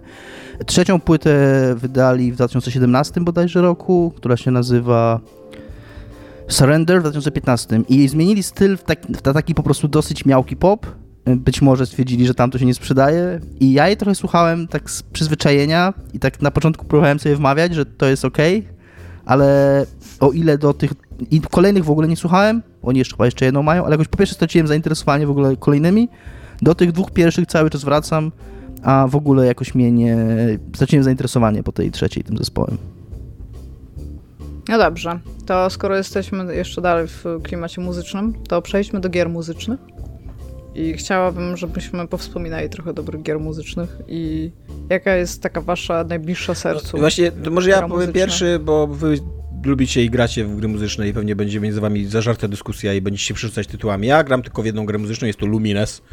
E, Jest to cudowny, wspaniały gra Tetris muzyczny, tak. E, I, I ani nie grałem nigdy w Guitar Hero, ani jakieś Danganronpy, czy inne takie, nie wiem, czy, co, są w ogóle gry muzyczne. I, To nie są gry muzyczne. Coś tam pisałaś, jakieś takie tytuły dziwaczne tam, że, że, pogadajmy o tym. No, No ale w Guitar Hero trochę u mnie grałeś swego no czasu. tylko u ciebie, jakby tylko i wyłącznie. To nigdy nie byłem jakimś fanem, wiesz, tej serii, śledzącym Mhm. jego ewolucję i tak dalej, co nie? Więc, więc tak, więc Lumines i tyle. Mhm. E, Guitar Hero. Po pier- pierwsze Guitar Hero to było dla mnie w ogóle przeżycie, które zmieniło moje życie. Jakby ja tą grę importowałem jeszcze na studiach, mieszkając z rodzicami. Kosztowało to 300 zł, żeby ją sprowadzić z Anglii z gitarą, co było dla mnie wtedy sumą a, e, kos- kosmiczną, że to było w ogóle absurdalne, mi się wydawało wtedy. Dobrze, że nie 250. żeby za 300 zł grę sprowadzać z Anglii z plastikową gitarą. Mm, ale zrobiłem to. E, jakoś przez jakiegoś kolegę, już nie pamiętam jaki to był układ, że, że chyba. No nie pamiętam jak to było. No w każdym razie kupiłem tą grę na PlayStation 2. Jak, do dzisiaj pamiętam jak siedziałem z pierwszego wieczora, jak ją odebrałem w swoim pokoju na strychu przed 21-calowym telewizorem, takim starym kineskopowym i go nagrałem do czwartej nad ranem w Guitar Hero i przechodząc poszczególne piosenki. I to było coś, co w ogóle nie spodziewałem się, że gra jest w stanie zrobić. To było tak nowe, tak świeże, tak inne. Szczególnie po byciu pececiarzem wiele, wiele lat. To były takie w ogóle moje początki z konsolą tak naprawdę. I ja się o tej grze dowiedziałem z nieodżałowanego i wspominanego u nas zawsze GameSpotu starego, e, który Jeff Gerstmann i ekipa byli, oni byli wielkimi fanami. W ogóle im się przypisuje, mm, nie chcę powiedzieć, że przypisuje zasługę, no ale oni byli jednymi z ludzi, którzy w ogóle przyczynili się do sukcesu Guitar Hero w pewnym sensie, bo oni tą grę znaleźli gdzieś tam na E3, w czymś się nazywało wtedy Kentia Hall, czyli takim w ogóle, takich podziemiach, gdzie, takim miejscu, gdzie nie chcę powiedzieć podziemiach, bo nie wiem, czy to było podziemią, ale takie miejsce, gdzie się wystawiali tacy mniejsi producenci, którzy nie mieli kasy na, na przestrzeń tym, tej głównej hali, więc oni jakąś tę grę odkryli, zaczęli ją promować u siebie w tych programach i, i dzięki temu ona się stała, znaczy między innymi dzięki temu w ogóle ludzie usłyszeli o niej. E, I, i to, to jest jakby taką pi- numer jeden gra muzyczna dla mnie. Okej. I żadnej ten... Mam a- jeszcze, mam jeszcze, myślałem, że będziemy się wymieniać, ale jak już pytasz, Znaczy, no, możemy. e, to jeszcze powiem Elite Beat Agents, właśnie nie oryginał, bo wiem, że to oryginał jest jakieś osu, coś tam osu, e, tylko Elite Beat Agents grałem, to na DS-a, Na DS-a super było, no. e, gdzie było Agents are go! Let's go, tak. nie, Agents are go, to jest bardzo ważne. No tak, tak, tak, to. A, myślałem, że powiedziałeś Let's Go.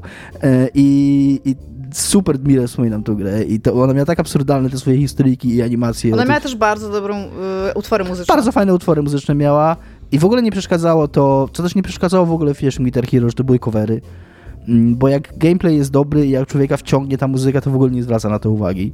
E, Mm. A, a, a, a jak z kolei gra jest już słaba i, i się nudzi, to najlepsza muzyka jej nie uratuje, więc y, i, i, i- te, plus te historyjki o tych agentach, którzy tam pi- piosenką i tańcem. Takie w ogóle absurdalne historyjki, tak. I te sprawy, które oni musieli zrobić, to też były w ogóle sprawy tak dużej wagi, Tak, że dobrze, że trzech typów musiało tańczyć, żeby je rozwiązać. tak. I naprawdę super, super mile wspominam tę grę. Ja chciałam tutaj e, o trochę starszych tytułach, bo które mi bardzo mocno zbudowały e, jakby moją lubość do gier muzycznych, bo ja bardzo lubię gry rytmiczne i gry muzyczne. Tomek mój na przykład mega się boi, jak jest jakakolwiek minigra rytmiczna, to ja dostaję pada i ja mam, ja mam w to grać. E, ale Patapony na PSP, Parapa the Rapper na PSX-a. O, o to mi chodziło prostu- właśnie. Mówię, że Dag- Danganronpa jakaś. Parapa the Rapper, come on. Parapa to nawet nie jest tak trudne słowo jak Danganronpa, ty. E, I Tetris Effect, Tetris który jest mega. fenomenalny. To prawda. E, Thumper, który...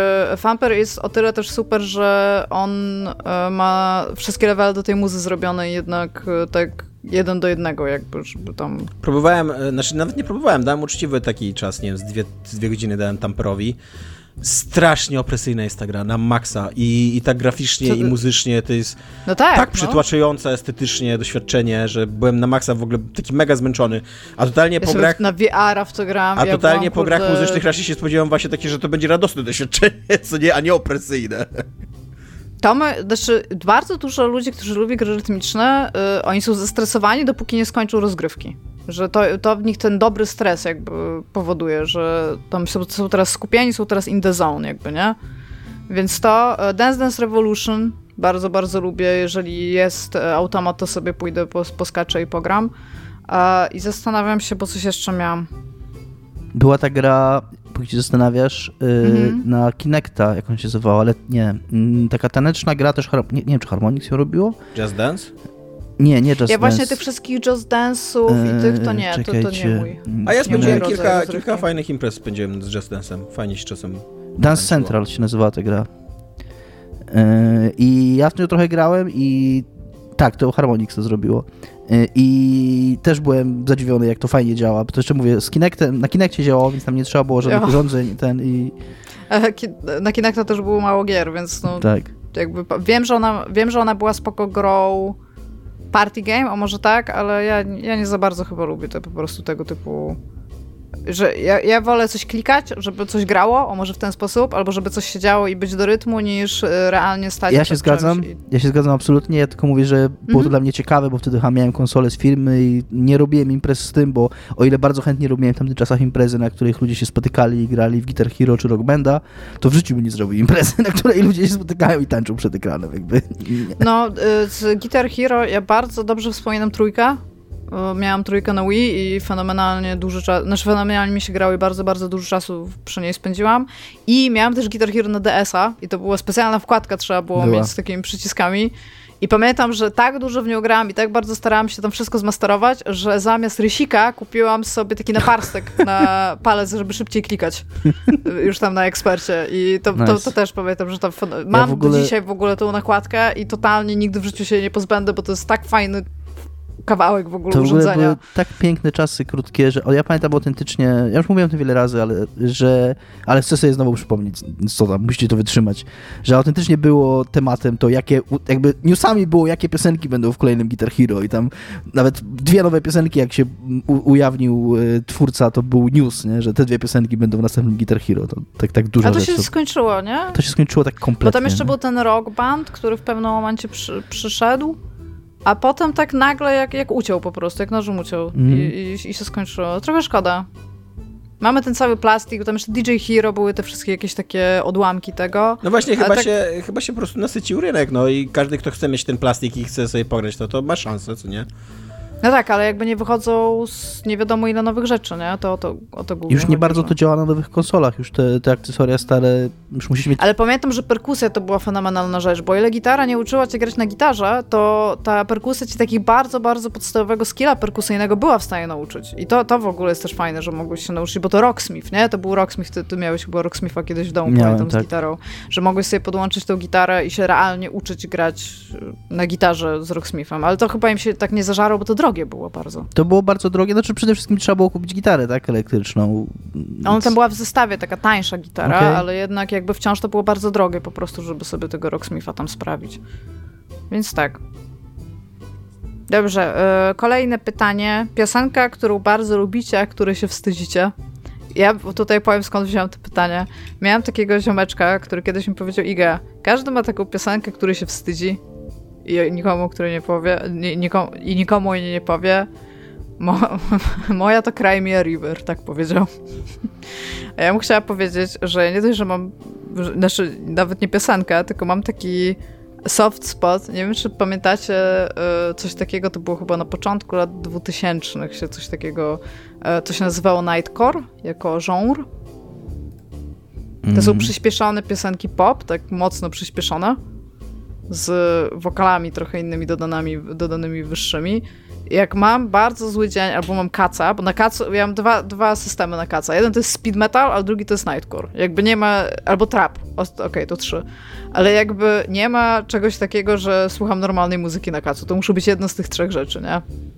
Więc tak, ja mam Nightcore jako coś, czego się wstydzę. Ja Ja zasadniczo na kasu w ogóle nie słucham muzyki, tylko staram się ograniczyć wszystkie bodźce.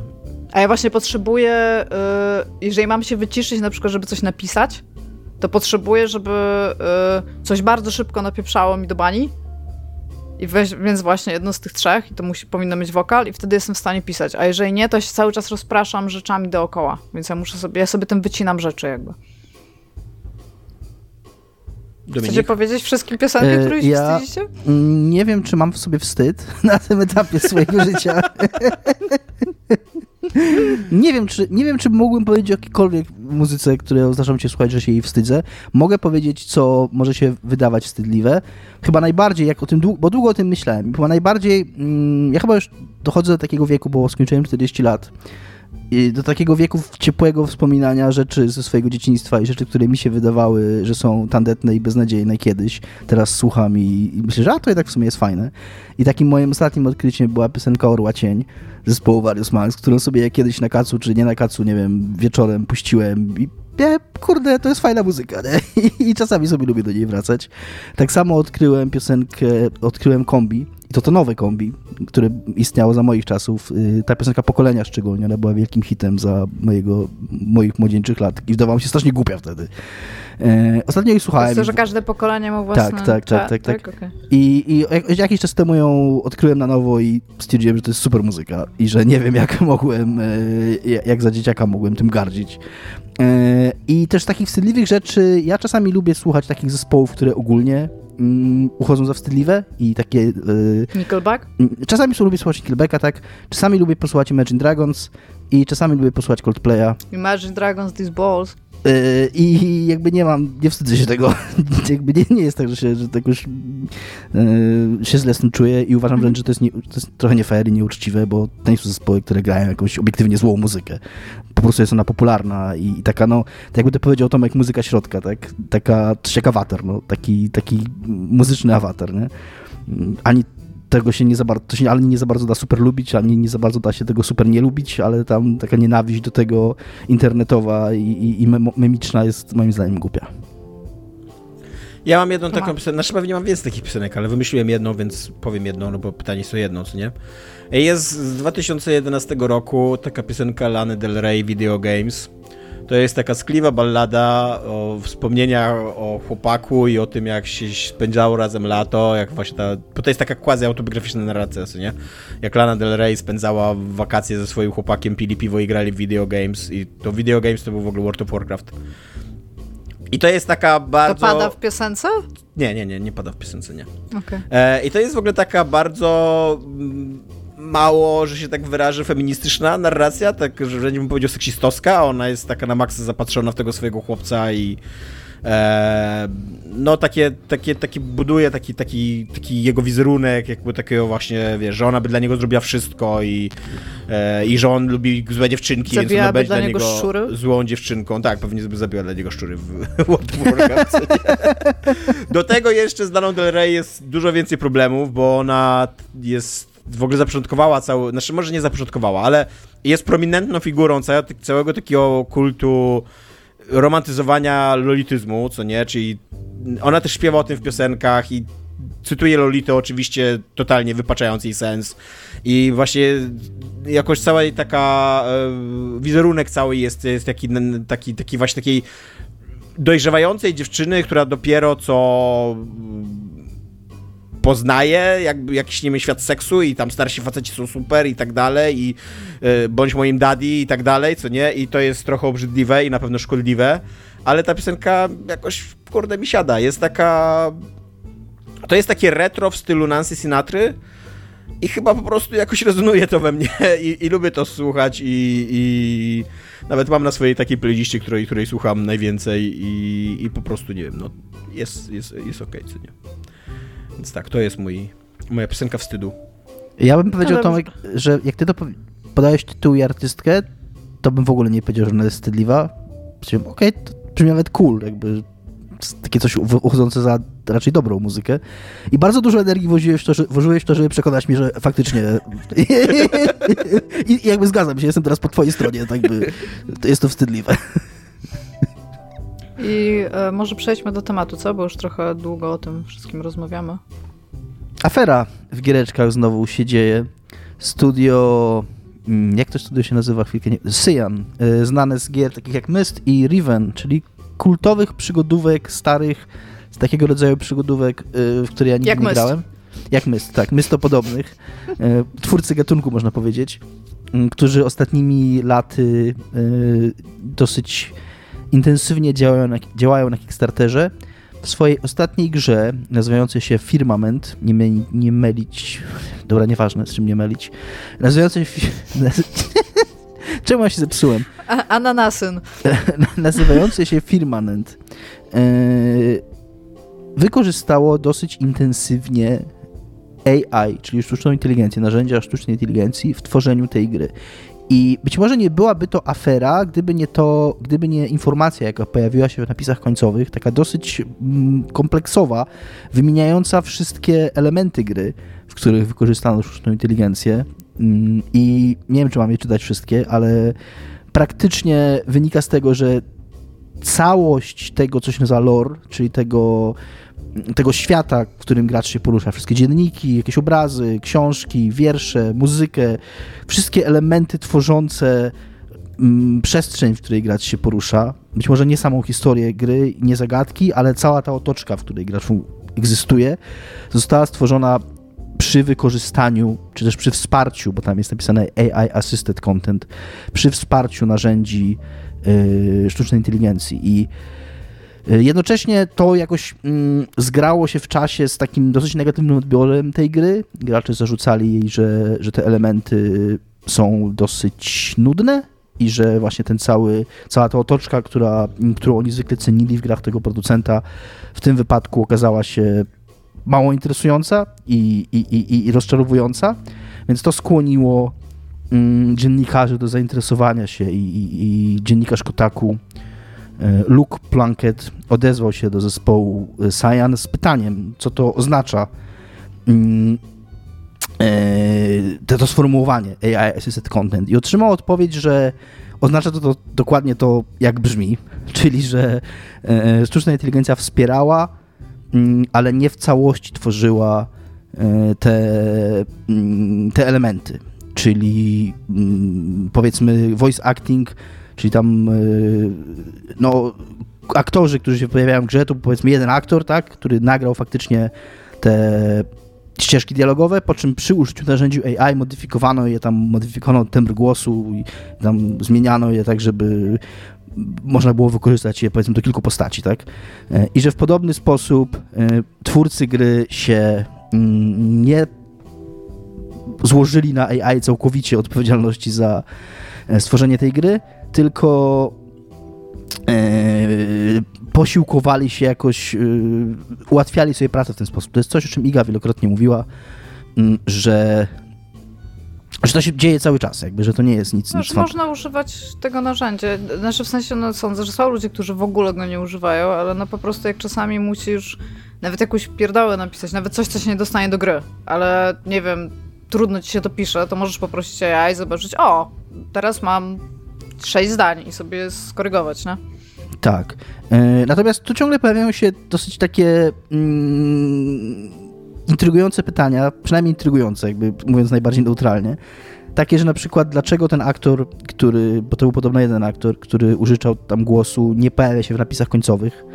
E, Na co przedstawiciele Cyan powiedzieli, że on sam się, jakby, że nie chciał, że sam się zgodził na to. I to jest zawsze takie, to jest zawsze śliski temat. Jak, jak firma ci mówi, że, że autor nie chciał, bo co to znaczy, że on nie chciał, tak? Jakby mógł dostać alternatywę, że albo będzie nie chciał, albo będzie się rozwijał dalej zawodowo poza miejscem zatrudnienia, tak? E, W ten bądź inny. Ja ba- tutaj e, e, zabiję twój argument e, anegdotycznym dowodem, ale dosłownie dzisiaj Mhm. prowadziłem korespondencję z aktorem głosowym, który mi odpisał, ja, ja go wręcz namawiałem, żeby był w kredytach i on mi odpisał, ostatecznie się zgodził, ale bardzo długo było takie, że e, mi to obojętne, mi to wisi, niekoniecznie. Okej, e, natomiast e, wciąż jakby rodzi to pytanie, twój anegdotyczny dowód kompletnie niczego w tej Tak, tak, sytuacji. to prawda. nie udowadnia. E, I no i to rodzi takie, wiecie, i teraz z jednej strony tutaj pojawia się takie pytanie, na które musimy odpowiedzieć, co było pierwsze, jajko czy kura? To znaczy... Musimy na nie odpowiedzieć?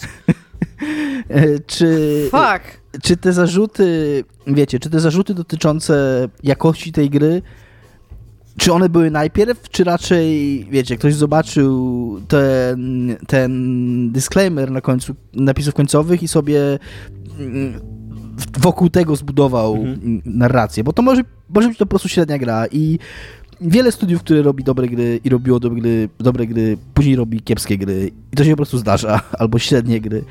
I nie oznacza od razu mm, tego, że roboty zabrały nam pracę, Yy, ale może też oznaczać, że nadchodzą złe zmiany, a jeżeli one nadchodzą, to że będą zauważone, tak? Więc może to jest pozytywna yy, strona tej sytuacji. Co myślicie? Znaczy, jeżeli tam jest krytykowane pisarstwo w tej grze, co nie? Bo ja, ja na przykład korzystam z czata GPT i tego Binga czasami sobie w pracy. Właśnie po to, żeby się tam odblokować, pomóc jako proofread, bo to jest w końcu model językowy, co nie, więc akurat na tym się trochę zna. Eee, I jeżeli tam jest złe pisarstwo i ta gra była krytykowana za złe pisarstwo i tu są teksty wygenerowane przez ChatGPT, albo jakiś inny taki, taki model, to w ogóle mnie to nie dziwi, bo te teksty są zazwyczaj fatalne. Jakby tam totalnie trzeba je obrabiać, musi człowiek to obrabiać. Totalnie na, na, na tym poziomie jeszcze teraz nie jesteśmy moim zdaniem, żeby, żeby on tworzył dobre pisarstwo, nie? Tworzy kiepskie pisarstwo, takie, które można pewnie wrzucić do gry, jak chcesz. Ja nie wiem, mi, mi... Ja pisałam, ja wam mówiłam, że jak się bawiłam czatem GPT, to ja go karmiłam ostrą patologią, nie? No i w każdym, w pewnym momencie tam układał historię i cały czas zapamiętywał to, co było wcześniej w tej historii i ja mu dawałam takie prompty, żeby zobaczyć, jak bardzo ten e, algorytm jest w stanie jakby chodzić dookoła pewnych rzeczy, które są kluczowe w tym, co przed chwilą napisał jakby, nie? No i on ukuł jakąś taką historię, że ktoś kogoś zastrzelił. Tam było coś takiego, że ktoś przyszedł z pistoletem i go, i go zastrzelił. I to było fatalnie napisane, tak jak mówisz. Ale ja mu napisałam jeden, jedną odpowiedź i napisałam, nie było pistoletu.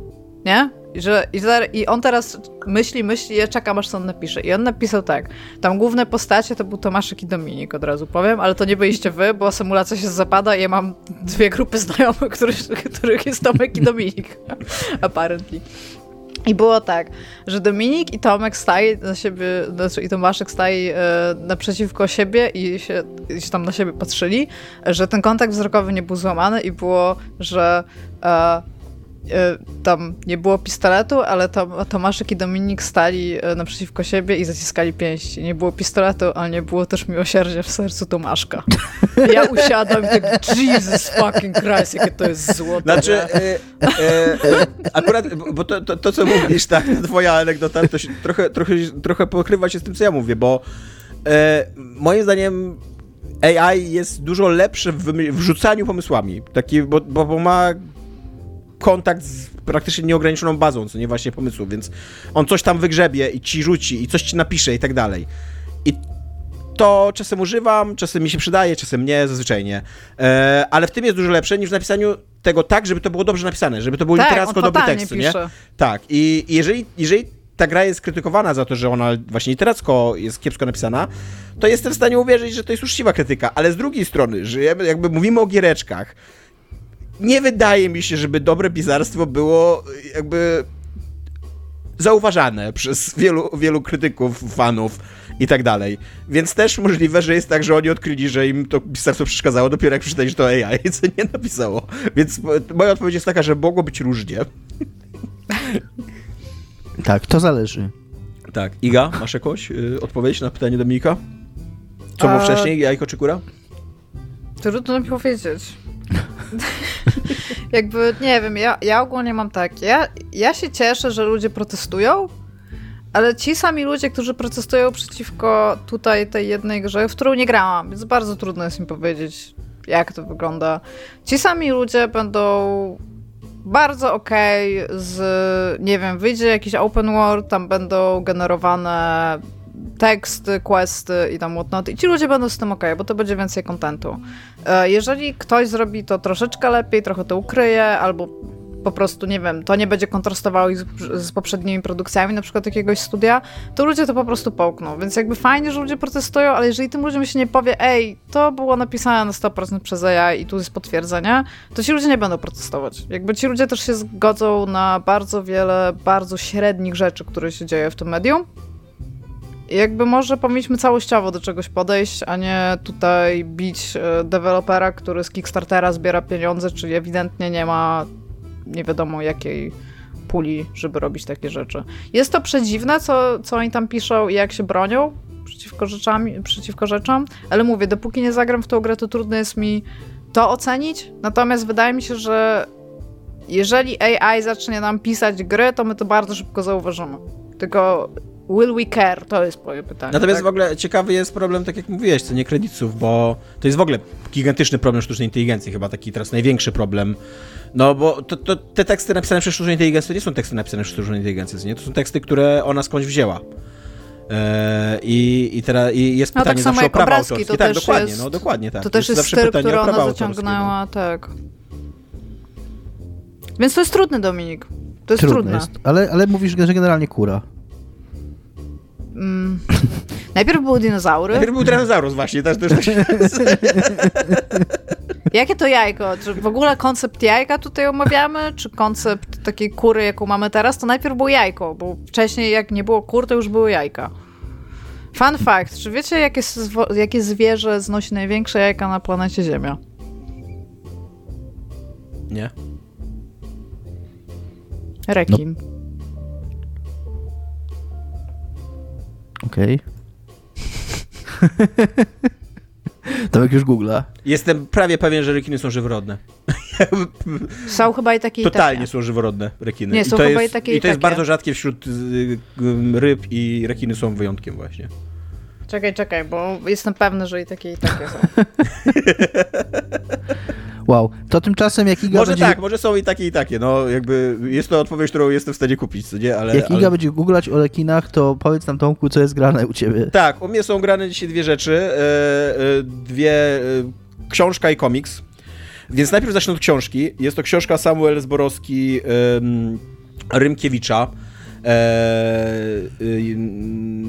ja już wam polecia, polecałem dwie rzeczy Rymkiewicza. To są Wieszanie i zawsze zapominam to drugie, bo to jest niemiecki tytuł, kurde. E, I Kinderszenen, o. E, Jarosław Marek Rymkiewicz, Wieszanie, Kinderszenen, a teraz Samuel Zborowski. E, Miałem to zawsze są- bardzo, bardzo złe skojarzenia, jak ty mówisz o tym pisarzu. Tak, bo to jest bardzo prawicowy psychol, to znaczy był za życia jeszcze. To, to, to są dobre skojarzenia, jakby. On, był, on, był, on był trochę tak. No, trochę. Nie, tak, ale ja mam jakieś takie w ogóle skojarzenia, gwałty, piwnica. Znaczy, no pisał o powstaniu warszawskim pierwszą, no, to pierwszą Okej. książką, o którą opowiadałem, co nie? Iga, wygooglałaś, tak, rekiny. Tak, e, rekin wielorybi jest jajo żyworodne i to on e, jest właścicielem największych jajek na... Największych jajek na planecie. Okej. Ale największy na lądzie składa struś. To jest podchwytliwe ogólnie, jak się tak ten, ale tak, no tylko chciałam powiedzieć. The biggest balls on earth. Jak to było? Imagine Dragon This Balls? Imagine Dragons these balls. Nie, these nuts. Znać, okej. E, Więc tak, więc wracając, e, Samuel Zborowski to jest kolejny taki e, esej historyczny, który jest tak naprawdę zbiorem takich krótkich esei. Tym razem o życiorysie właśnie Samuela Zborowskiego, czyli szlachcica polskiego z XVI wieku, który był przedstawicielem jednej z najpotężniejszych rodów szlacheckich w ówczesnej Polsce e, i jego życie charakteryzowało się tym, że znaczy najważniejsze wydarzenie jego życia było takie, że podczas koronacji Henryka Walezego e, zamordował innego szlachcica, Andrzeja Wapowskiego, najprawdopodobniej przez przypadek. E, Za to został skazany, znaczy nie przez przypadek, bo tam doszło do bójki, on wyjął broń i tak dalej, to średnio przypadkowa śmierć, ale najprawdopodobniej chciał zabić kogoś innego, jakby, nie, o to chodzi. I za to został, za to został skazany na banicję, dlatego że wtedy toczyła się cała dyskusja na temat przywilejów szlacheckich i jako, że król był elekcyjny, to król za każdym razem musiał po, po, po, potwierdzać te przywileje i jeszcze je poszerzać, więc bardzo trudno było skazać szlachcicę na śmierć, bo szlachcice sobie gwarantowali, żeby nie można ich było zabijać po prostu, co nie szlachta sobie gwarantowała w tych przywilejach. Więc Ale on zabił szlachcica. on zabił szlachcica, ale nie został skazany na śmierć za to. Został skazany na banicję, musiał wyjechać z Polski, pojechał do Siedmiogrodu i tam e, ze Stefanem Batorym się za zaziomił. I w momencie, kiedy Stefan Batory został polskim królem, też w wyniku tam elekcji, która, która była pełna sporów, awantur i tak dalej, i tam nawet do bitwy doszło przez tą elekcję i, i tak dalej. W momencie, kiedy, e, kiedy doszło do, kiedy Stefan Batory został polskim królem, Samuel Zborowski wrócił do Polski, został porwany, po, pojmany przez Zamojskiego i z jakiegoś powodu, do dzisiaj nie do końca wiadomo dlaczego, Batory zdecydował się go zabić, jakby wydać na niego wyrok śmierci, który od razu wykonano, żeby właśnie nie było czasu na jakieś tam podburzanie szlachty, powstanie i tak dalej. Em, tylko od razu wy, wy, wykonano, zamordowano Zborowskiego, ścięto mu głowę e, i to był to był, to był te, wtedy gigantyczny taki, gigantyczna sprawa polityczna, strasznie ważny temat, no bo to było naruszenie tej takiej legendarnej polskiej szlacheckiej wolności, nie, że jakby szlachcic, no że, że król nie ma prawa wystąpić przeciwko szlachcie, nie. Zresztą Batory najprawdopodobniej został otruty być może właśnie z tego powodu, nie e, później. E, zwłaszcza, i to, to jeszcze było tym bardziej bulwersujące, że Zborowski był właśnie przedstawicielem jednego z, naj, z najpotężniejszych polskich rodów szlacheckich, więc to było takie wystąpienie bardzo odważne, bardzo wprost przeciwko szlachcie. E, I, e, I tam też dużą rolę odgrywał Zamojski, który miał też takie ambicje jakby królewskie. E, i, no i tam jeszcze w ogóle wątki religijne, no komplikowana sytuacja, nie? E, I Rymkiewicz pisze o tym. Pisze również dlatego, że Rymkiewicz jest, e, był e, filologiem polskim, zainteresowanym przede wszystkim romantyzmem, a Juliusz Słowacki na, na, zmarł pisząc dramat o Samuelu Zborowskim, więc jakby Rymkiewicz wiąże te swoje zainteresowania takie, takie polonistyczne z historycznymi i napisał ten esej o Zborowskim. Jego główna idea jest taka, że drzemie w narodzie polskim jakaś taka anarchistyczna anarchistyczna energia takiej całkowitej wolności i on taki, takiej absolutnej, takiej absolut, y, absolutnej wolności, która, której nikt nie jest w stanie ograniczyć. Nawet właśnie król, nawet, y, nawet Bóg, który jest tam... mm, Nasz jego, jego, jego jakby mm, król zawsze był z, jakoś tam z nadania boskiego, nie? Wtedy uważało się. E, I, e, i, i jest, jest to jakaś tam myśl, średnio, zdecydowanie najmniej pociągające z tych myśli, których, z których tych, tych, tych trzech książek, które, em, e, które czytałem e, Rymkiewicza. Natomiast ta książka jest już zdecydowanie męcząca dla mnie, znaczy była już zdecydowanie męcząca dla mnie, ponieważ e, Rymkiewicz pisze te swoje książki z takich właśnie krótkich, dwu, dziesięciostronicowych e, rozdzielików, które on, on sam pisze we wstępie, że można je czytać w przypadkowej kolejności, bo mu chodzi o zbudowanie takiego e, wieloobraz, w- wielo, wieloperspektywicznego obrazu właśnie jakiejś sytuacji, jakiegoś problemu i tak dalej. I Niektóre z tych rozdziałów są super. Jak on pisze o Zborowskim, o jego egzekucji, o tych wszystkich spiskach, o tym, jak się szlachta kłóciła, o tym, o co tam chodziło właśnie z tą anarchią i tak dalej, tak to jest super. Ale również y, Rymkiewicza również interesuje masa innych tematów dookoła. I to są czasem naprawdę strasznie nudne rzeczy. W stylu jakby tam, ja, ja, że jakieś tam jedno wyrażenie jest w jakiejś księdze historycznej, jakie można rozumieć, jakieś źródło słów, jakichś tam słów, co nie? Czym był kutas historycznie, co nie? Tam słownikowo i tak dalej i, i, i- jakby to w ogóle, w ogóle absolutnie nie, nie, nie dochodzi jeszcze w ogóle do seksualnego znaczenia kutasa, co nie? Tylko pozostaje przy, tych- przy tych starych kutasach i tak dalej. I tego jest strasznie dużo w tej książce. I to jest po prostu nudne i to jest najdłuższa książka z tych trzech jego książek, które czytałem, więc nie dość, że ta myśl jego o anarchistycznej tam wolności jest nudna, bo dużo ciekawsze było właśnie, co by było, gdyby Polacy mordowali swoich królów w wieszaniu, albo te taka właśnie wielka trauma powstania warszawskiego widziana przez osobiste doświadczenie, no to tutaj to jest no taki trochę banał, co nie, że tam, że wszyscy jesteśmy wolni, że Polacy, a Polacy są w ogóle najbardziej wolni i tam bądźmy wolni i szukajmy tej wolności w sobie i tam buntujmy się i tak dalej, co nie. E, zwłaszcza, że też to jest trochę on w ogóle też pisze o tym, że on nie jest historykiem i te jego rozważania są trochę ahistoryczne. Jakby nawet ja, który nie jestem historykiem i też jakby nie mam wa- warsztatu badań jakichś historycznych i zbierania kwerent i tak dalej, i widziałem jak na dłoni, jak naciągana jest ta jego, mm, ta jego teza, co nie? Jak on tam bud- konstruuje ją z rzeczy, które tak nie do końca pasują po prostu, co nie? Tam raczej chodziło właśnie o politykę, o spiski, o władzę i tak dalej, a nie o jakąś anarchię i, i wolność i, i jakieś takie właśnie absolutne wartości, co nie?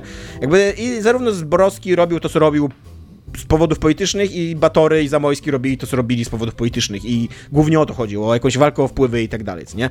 A że skończyło się to śmiercią Zborowskiego, no to Peszek, co nie? Jakby przegrał tą grę o tron, że się tak wyrażę, co nie? E, więc tak, więc to jest jedna książka, którą raczej nie polecam. Co ciekawe w ogóle, to jest najbardziej chwalony ten esej historyczny Rymkiewicza, on mi się najmniej podobał. Zdecydowanie Kinterszenen jest moim zdaniem najlepszą jego książką z tych trzech, które czytałem. Więc jakbyście mieli przeczytać tylko jedną książkę Rymkiewicza, to Kinderszenen polecam. E, natomiast bardzo szczerze chciałbym wam polecić e, Comics Festival Jacka Świdzińskiego. E, to jest e, komiks, którego akcja rozgrywa się w 1955 roku, więc pod sam koniec tej Stalinows tego stalinowskiego okresu w historii Polski, nie? E, Bierutowskiego też. Kiedy już, też kiedy ten stalinizm jest jeszcze silny, Stalin już nie żyje, więc jest też jakieś oczekiwanie na jakieś zmiany. I w Polsce zorganizowany został festiwal młodzieży. E, do Warszawy przyjechało tam kilkanaście tysięcy jakichś takich prelegentów z całego świata, głównie oczywiście socjalistycznego świata. I, e, i no i nagle ta Warszawa, taka, tak, takie wakacje warszawskie, miasto całe zaroiło się od ludzi różnych kultur, różnych religii. No takie zupełnie, wiesz, takie, te, nasze wiecie, takie zderzenie, e, no, ludzi i kultur z najróżniejszych zakątków świata w kraju, który dopiero co przeżył gehenne wojny, który jest terroryzowany przez stalinizm, w mieście, które jeszcze się nie odbudowało po tym, jak Niemcy je spalili. E, I, e, i no, podobno ten festiwal to w ogóle była niesamowita rzecz, nie? Jakby takie, takie naprawdę bardzo kolorowy, dziwaczne wydarzenie, które z jednej strony było oczywiście taką propagandową papką, jak wszystkie wydarzenia duże, publiczne, organizowane w, za komuny, ale z drugiej strony było też jakimś takim oknem na świat dla Polaków wtedy i dla i dla całego społeczeństwa, zwłaszcza dla Warszawy, co nie? E, i, I festiwal z jednej strony właśnie Świdziński sobie da, postawił za zadanie, przynajmniej tak mi się wydaje, właśnie oddać jakiś, jakiś, jakąś sprawiedliwość temu festiwalowi. E, I rzeczywiście to się zaczyna jako taki, taki ciąg niepowiązanych fabularnie scenek, z festiwalu. O tym, że ktoś tutaj jakieś swoje dzieło sztuki wy, wystawia, o tym, że tam jakiś odczyt jest, o tym, że tutaj jakiś, jakaś sztuka teatralna, o tym właśnie jak tam Hiszpanie spotykają się z Polakami, próbują się dogadać, o tym, że ktoś jest czarnoskóry i to oczywiście w ówczesnej Polsce to było wielkie wydarzenie, ale wszyscy go witają z otwartymi ramionami, bo to wszyscy jesteśmy socjalistami i tak pięknie, co nie? Pojawiają się autentyczne postacie historyczne, na przykład e, Fangor, jeden z najsłynniejszych polskich plakacistów, rzeźbiarzy i malarzy, e, który jest tutaj postacią normalnie fabularną i on właśnie toczy jakieś takie rozmowy artystyczne, więc, więc bardzo długo to jest po prostu taki jakby przegląd przez ten festiwal, tak jakby upamiętnienie tego festiwalu, nie? A że przy okazji Świdziński ma taką bardzo minimalistyczną kreskę, taką gdzieś pomiędzy tym kolesiem, który zrobił pana Filutka, a, a Mrożkiem, nie? Słowomirem Mrożkiem ma taki, taki, taką trochę karykaturalną prasową, prasową kreskę, takie, takie ludziki z kresek robi i yy, no takie, takie bardziej umowne postacie niż rzeczywistych ludzi, co nie on przedstawia to to wszystko ma taki bardzo fajny artystowski, artystowski wydźwięk i, i, jest naprawdę ciekawe i czasem wchodzi kolor, żeby właśnie podkreślić tutaj, czasem autentycznie są pokazywane jakieś takie e, eksponaty z tego, z, z, tego festiwalu i tak dalej, ale im dalej czytamy w las, tym się okazuje, że te postaci, które się do tej pory pojawiały... Lubię tak, czytać w las. Tak. Im dalej, im, Im dalej czytamy w las, tym się okazuje, że te postaci, które do tej pory wydawały nam się bardzo przypadkowe, one mają jakiś, one, one prowadzą sobie wątki. Niektóre się łączą, niektóre się nie łączą. E, I koniec końców ten komiks, tak od drugiej połowy, staje się też taką całkiem ciekawą historią na temat komunizmu, właśnie na temat ludzi żyjących w komunizmie lat 50., połowy lat 50., nie? Jest tutaj dużo o takim resentymencie anty, antyniemieckim, bo nie dziwota, co nie, wojna się skończyła 10 lat temu, tam gruzy Warszawy jeszcze le leżą, co nie? E, jest trochę o, o bandyterce właśnie warszawskiej, bo, bo Warszawa wtedy była, przez to, że tak, była zrujnowana i, i, słucham? Na cegłę, na cegłę cwaniaki robili ludzie ludzie się tak. pytają, że chcą kupić cegłę. tak, więc jest, jest trochę o tym, jest trochę, jest trochę takich wątków obyczajowych e, i tak dalej i to też się super czyta, jakby jak, jak, jak już odkrywasz to, że, że to ma jakiś taki fabularny sens, że to nie jest tylko taki właśnie festiwal, taki, taka rewia jakichś scenek e, przedstawiających ci festiwal, no to, to, to zaczynasz to czytać trochę jak, jak powieść, jak książkę i to też, są, to też są bardzo fajne fabuły, zwłaszcza, że Świdziński jest mega zabawny, ma bardzo duży talent do takich właśnie żartów rysunkowych, do jakiegoś takiego zawieszania dowcipu. E, to są przy okazji dosyć do, inteligentne dowcipy, często jakieś nawiązujące do, do, do, do um, ówczesnych artystów e, i do tego, co się działo wtedy jakby w polityce i, i historycznie i tak dalej. Więc jakbyście chcieli przeczytać naprawdę dobry polski komiks niezależny, to festiwal, super sprawa Jacka Świdzińskiego, kapitalna naprawdę, kapitalna rzecz, taka robiąca dwie rzeczy naraz, nie, że z jednej strony właśnie oddająca no jakoś taki duch historyczny, upamiętniająca wydarzenie, które kiedyś było strasznie, strasznie ważne, a dzisiaj wydaje się już trochę za, za, zapomniane, a ten festiwal naprawdę wtedy był jakby mega istotny dla całego bloku tutaj komunistycznego i dla ludzi, którzy brali w nim udział. A z drugiej strony jest to też taka ludzka historia o tym, jak się żyło w końcówce stalinizmu w Polsce, nie? Więc tak, to są dwie rzeczy, które były grane u mnie. E, to chyba kończy nasz odcinek jednocześnie. Tak. E, więc na koniec tylko pamiętajcie, że mamy Patronite'a. Ten Patronite jest sobie na Patronite, tam jak wpiszecie niezatapialni, to pamiętajcie jeszcze, żeby wybrać naszych niezatapialnych, bo są dwa niezatapialne i te drugie niezatapialni to nie jesteśmy mamy. Z patronite.pl łamane przez niezatapialnie. Zatapialni. Tak. Tak. E, I dziękujemy wszystkim, którzy nas wspierają. E, jeżeli nas nie wspieracie, to też was lubimy. To nie jest tak, że was nie lubimy. Najbardziej dziękujemy Mufinkowi, Michałowi, Jarosławowi i Bartkowi, bo oni nas wspierają najbardziej, na najwyższym progu e, i sobie za, z, zasłużyli na te podziękowania na antenie. To tyle. Cześć. Cześć. Pa!